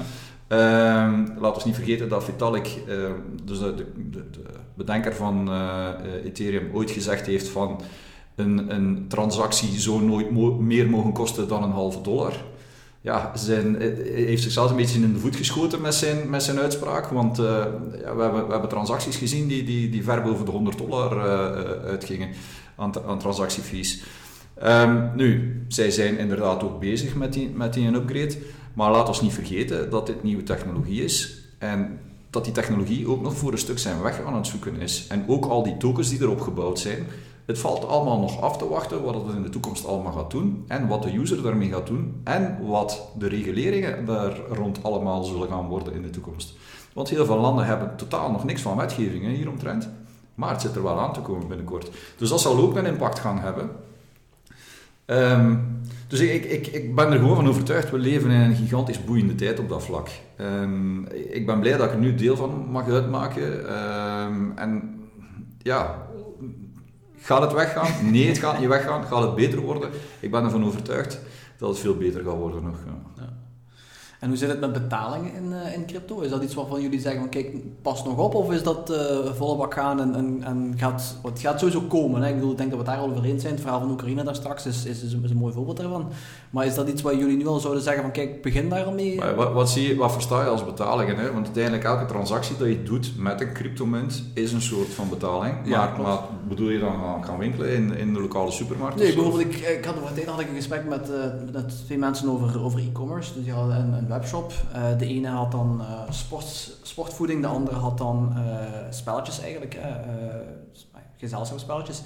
En heb ik hen ook de vraag gesteld van, kijk, zouden jullie nu al een, een bitcoin betaalmodule op jullie, op jullie website zetten voor, voor, jullie, voor jullie producten? En dat was toch, dat was toch twijfel eigenlijk op dat gebied. Nou. Ja, ik, ik... ja, ik, ik denk Kijk, de, de grote bedrijven die, die de, de transacties voor ons regelen allemaal, Stripe, uh, Shopify en dergelijke, zijn erop aan het werken. Dus ik denk, um, het, is, het is afhankelijk van de size van uw business en dergelijke. Hè. Elon Musk heeft ook al eens geroepen van je kunt Tesla's in bitcoin kopen, mm -hmm. dan hebben, heeft hij het weer teruggetrokken. Um, je moet gewoon kijken ook naar, naar, denk ik, op dat gebied naar je business. Heeft het, het, wat is de meerwaarde gewoon vandaag de dag om het bijvoorbeeld betaalbaar te maken als u, zeg maar iets e-commerce, stel ik, ik verkoop weet ik veel t-shirts in, uh, op, op e-commerce, ik heb een t-shirt uh, marketplace of dergelijke. Ja, het, waar dat ik moest ik moest ik dan uh, zaakvoerder zijn, vooral zo naar kijken, ja, is, is het interessant om een nieuwe, nieuwe community aan te bouwen die uh, op, op, met crypto bezig is? Want als je gaat kijken uiteindelijk, um, het is een waanzinnig uh, engaging, heel, heel sterke community, alles wat dat NFT's is, maar we hebben drie in het algemeen, crypto. Um, dus het, het kan super relevant zijn. Het is niet toevallig dat zowel Adidas en Nike uh, op die kar gesprongen zijn. Hè? Omdat ze, niet zozeer omdat zij verwachten dat mogen iedereen zijn sneakers in de winkels met Ethereum gaat betalen. Of om te kunnen zeggen van op adidas.com uh, uh, de betaling in, in Ethereum zeg ik nu als voorbeeld omdat dat heel vaak in NFT's wordt gebruikt. Maar kan uiteraard, ik ben Ehm, ik, ben daar geen, ik heb daar geen fetish mee of zo, voor alle duidelijkheid. Het kan perfect in Solana zijn, wat mij betreft toch. Um, maar ja, je ziet eh, dat, dat die ganse community is zo fervent bezig met ook met merch, met fashion, met streetwear en dergelijke. Dat dat je vooral naar je eigen sector moet kijken. En ik denk dat het een opportuniteit zou kunnen zijn, zeker als je op een meer global niveau bezig bent, om een nieuwe community aan te spreken. Maar ik zou vandaag niet de reflex hebben of ook geen mensen aanraden van ja, begint daar toch al mee. Ten eerste al, heel duidelijk eigenlijk, uh, terwijl ik het aan het zeggen ben, ja, begin maar eens aan de fiscus uit te leggen hoe dat uw transacties gebeurd zijn en uw boek, aan uw boekhouder van ja maar nee, ik moet met, uw, met de wissel, met de volatiliteit even terugrekenen naar wat dat een bitcoin toen stond. Dus nee, ik denk praktisch absoluut uh, niet, niet aan te raden vandaag de dag, zolang dat niet gereguleerd is als betalingsmiddel. De, het fiscale aspect, daar maak ik me minder zorgen om, omdat ik merk dat er toch wel meer en meer boekhouders zijn die ermee in aanraking komen. Je mag het ook als valuta inschrijven in, in, in je boekhouding in veel landen. Er zijn landen waar het niet mag, maar goed. Um, er zijn er toch een pak waar dat, wel kan. Je zit natuurlijk inderdaad met zaken zoals wisselkoersverschillen en dergelijke, uh, die dan wel een impact hebben. En dat zijn waarschijnlijk dingen waar dat de fiscus dan, dat ze dan eh, iets minder grappig vinden. Ehm, maar om even terug op de vraag te komen. Ehm, ik, ik denk dat het als bedrijfsleider er vooral op aankomt eigenlijk om te weten wie je achterban is. En ik zou zeggen van het moment dat je merkt dat een bepaald percentage van je achterban echt ja, fan is van, van crypto en daar vragende partij voor is om daar betalingen mee te gaan doen, dat je dat dan toch moet gaan overwegen. Want je riskeert anders dat er een concurrent daarmee begint, of dat er iets nieuws uit de grond gestampt wordt, waar ze net jouw product of een soortgelijk product eigenlijk kunnen gaan kopen, en dat ze switchen daar naartoe en dat je die users kwijt bent. Ehm, stel dat dat marginaal is, het aantal users dat je hebt uh, en, en de impact dat dat op je business kan hebben, dan zou ik zeggen van denk er eens heel goed over na en dan is ditgene dat, dat, dat Bert net zei, van, van uh, het, het, uh, het, gaat er om van kan je of wil je een nieuwe markt gaan aanboren, ja of nee.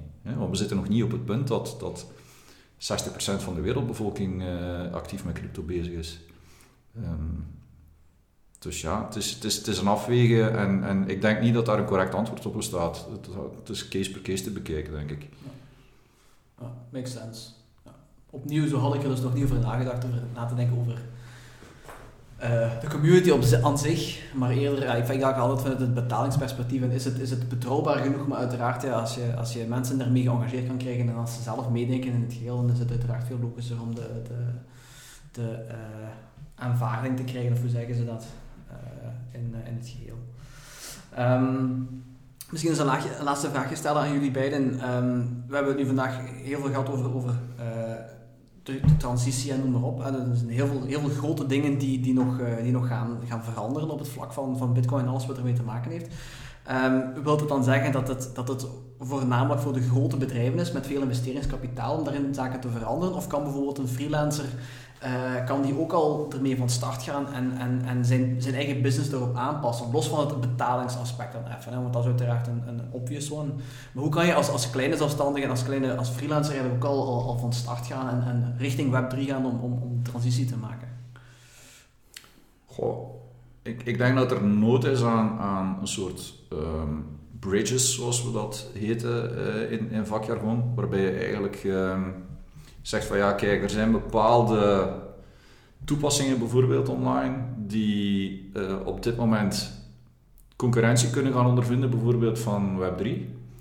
Uh, eh, maar die nog volledig Web 2 uh, eh, hebben binnen hun systeem. Waarbij je dan eigenlijk zegt van ja, we gaan dat Web 3 gedeelte voor een stuk ook gaan inbouwen en toegankelijk gaan maken. Dus daar zit, daar zit, daar zal, dat zal een nieuwe business zijn, denk ik, die, die er zal zitten aan te komen de komende jaren. Waarbij freelancers, dan voornamelijk de developers, denk ik dan aan, um, dat toch wel ja, dat de nodige opportuniteiten zullen hebben om zich daarmee te gaan bezighouden.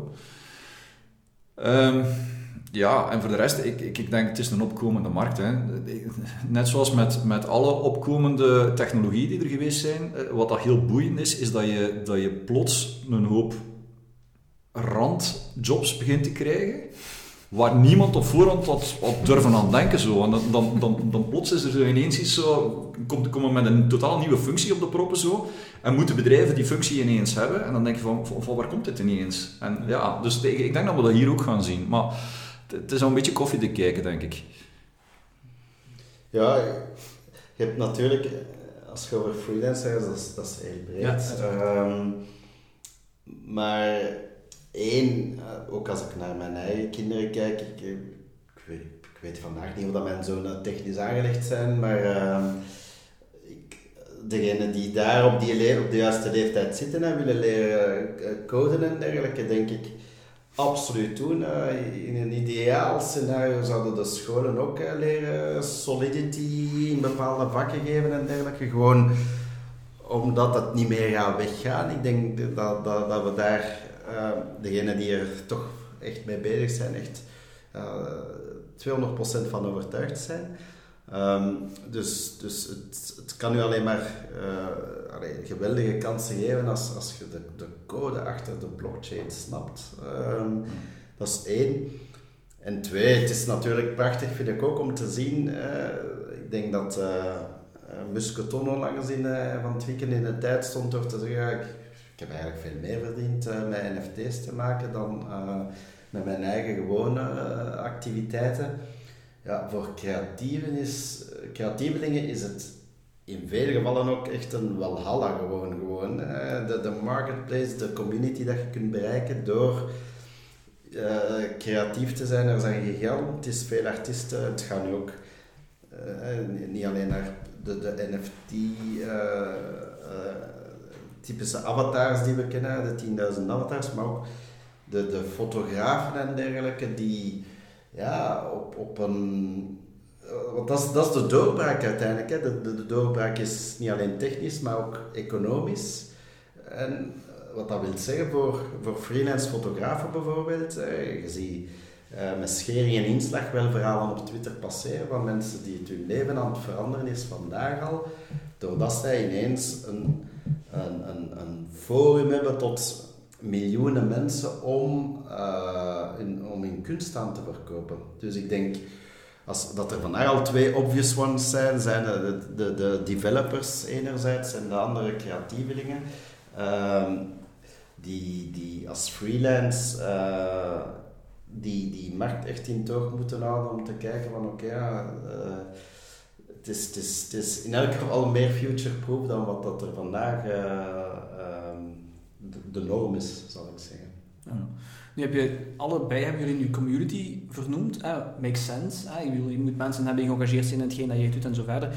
Kan je iets in crypto doen zonder een community? Dat wil zeggen, misschien even de vraag omdraaien. Is het noodzakelijk om eerst een community te bouwen met het crypto-verhaal in het achterhoofd, voordat je effectief begint met de, de, de NFT's of de, de, de coins of, of wat het ook is dat je in gedachten hebt? Is de community de eerste focus voor jullie? Of is dat... het is wel het uiteindelijke doel. Hè. Je maakt het uiteindelijk voor andere mensen, maar... Ehm, hoeft niet per se of voor aan de community te hebben. Men is ook stilletjes aan een stuk kritischer aan het worden uh, in die space. Zeker mensen die er al even in zitten, uh, willen toch wat meer weten over je project en of het echt goed uitgewerkt is. En wie is je team die erachter zit en uh, ja, wat is je roadmap en dat soort zaken. En vaak wil men al een use case zien die al uitgewerkt is ook. Terwijl aanvankelijk, hè, een aantal jaren geleden, zaten we nog op het punt waar de internetbusiness zat voor, uh, in de jaren 90 waar je met een whitepaper van een paar pagina's, waar je, waar je tientallen miljoenen kan ophalen.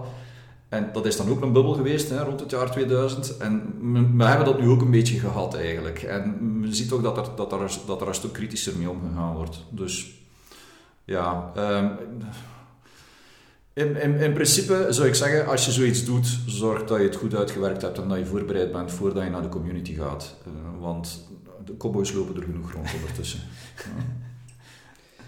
ja. Ja, ik, ik denk aansluitend, effectief. Um, zeker in, de NFT-space heb je dat gezien dat mensen proberen Discords al, al te maken met teasers van hun NFT-project. Dat dan 300.000 uh, members op zitten uh, nog voordat het live is gegaan. En dat het dan na, week, enkele weken na de launch blijkt dat eigenlijk gewoon ja, volledig op zijn bek is gegaan. Dus um, ik denk de kwaliteit zal gelijk als altijd, altijd bovendrijven en het belangrijkste zijn. Wat, wat wel uniek is aan, aan uh, blockchain naar mijn gevoel is zonder, zonder een, een uh, heel sterke community is het ook niet leefbaar gewoon. Uh, geen enkel crypto project, vandaar dat het woord waarschijnlijk zo vaak terugkomt, maar het zijn heel sterke communities. En ik denk het, het, het boeiende is eigenlijk um, als je gaat kijken naar die transitie, hè, we hebben al vaak gehad over Web 1.0, Nu Web 3, daartussen zat die Web 2, waar dat naar mijn overtuiging ook uh, Web 3 had nooit zo'n succes kunnen zijn, of is geen, niet zo'n groot succes aan het worden, zonder die Web 2. Als je dan even kijkt gewoon naar ja, de grootste NFT-projecten bijvoorbeeld, ja, de Ape Club heeft ook 700.000 volgers op Twitter.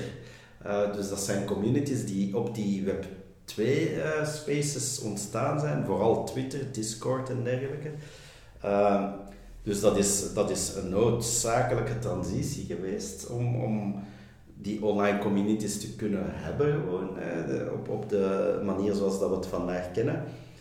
Alleen, het, ja, je, merkt gewoon, het, het, dit heeft zijn limieten uiteraard. Hè. Je kunt niet blijven die, op die community hopen dat die blijven eh, roepen en, en shout-out doen naar, naar een NFT-project zonder dat je echt iets oplevert.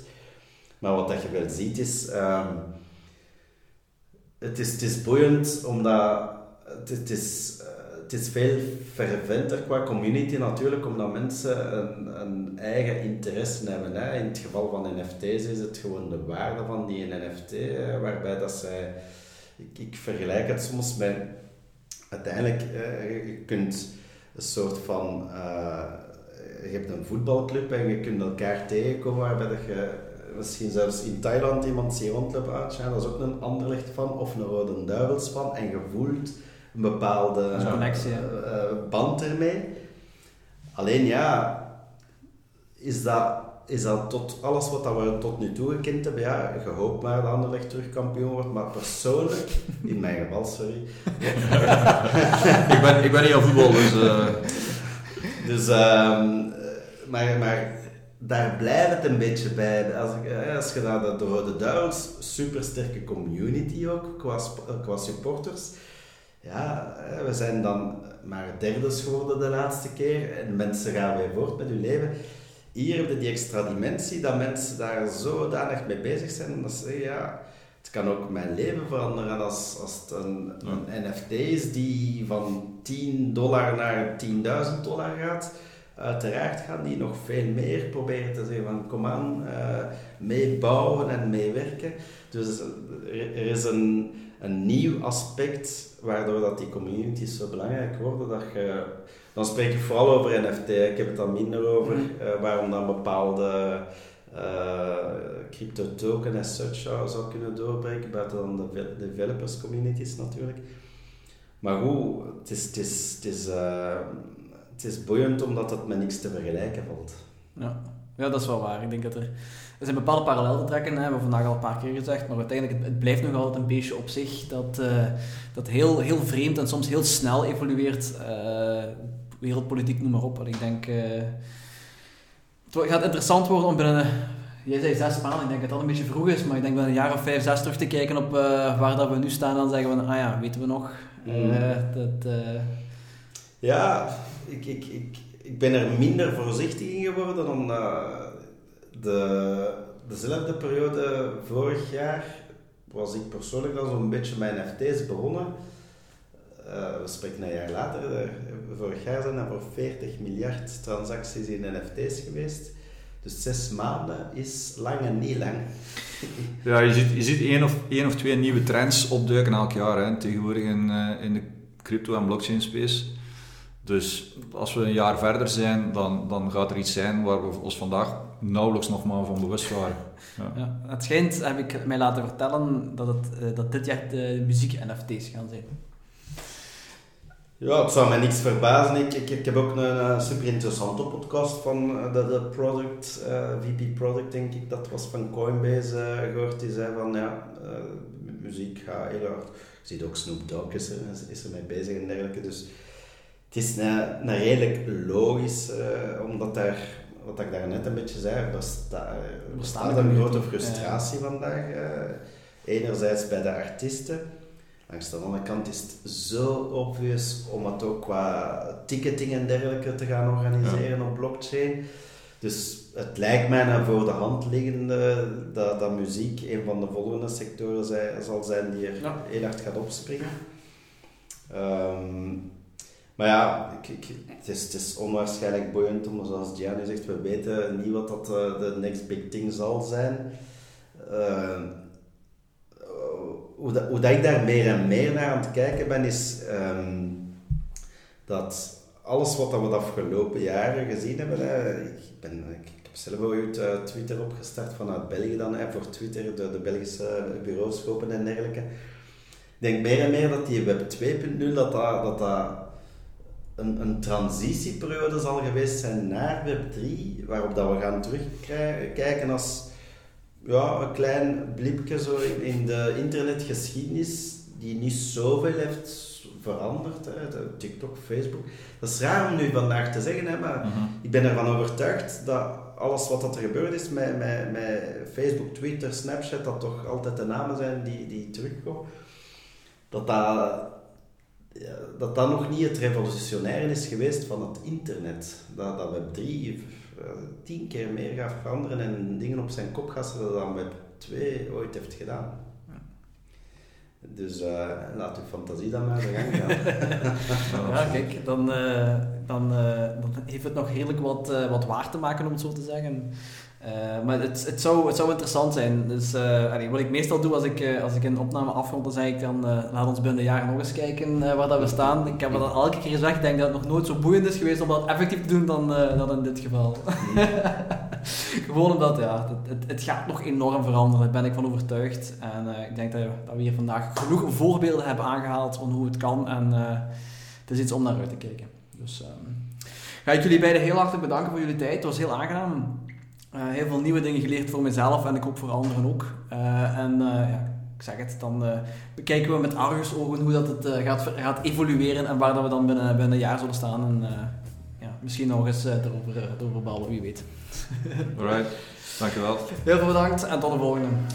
Bye. Hallo allemaal en bedankt voor het luisteren naar deze aflevering van de Business Mindset Podcast. Hopelijk was het voor jou net zo interessant als voor ons tijdens het gesprek en heb je er één of meerdere dingen kunnen uithalen voor jezelf of om anderen te helpen in hun onderneming.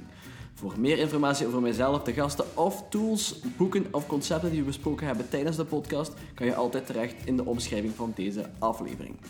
Heb je genoten van de podcast? Vergeet dan zeker niet om het te delen op social media. Dit helpt ons enorm om te groeien en om een groter publiek te bereiken. En hoe sneller we groeien, des te meer tijd we kunnen vrijmaken voor interessante gesprekken waar we zowel zelf als jullie iets kunnen bijleren. Heb je verder vragen of heb je feedback over wat we besproken hebben tijdens de aflevering? Of tips of verzoeken over onderwerpen die we kunnen behandelen? Of wil je iemand aanraden als gast tijdens de podcast? Laat het dan ook zeker weten. In de omschrijving van deze aflevering vind je een link naar alle social media accounts van de podcast. En daar kan je ons altijd op bereiken. Volg ons zeker ook op social media, dan blijf je altijd op de hoogte van de nieuwste ontwikkelingen en van de volgende afleveringen. Thanks again en tot de volgende keer.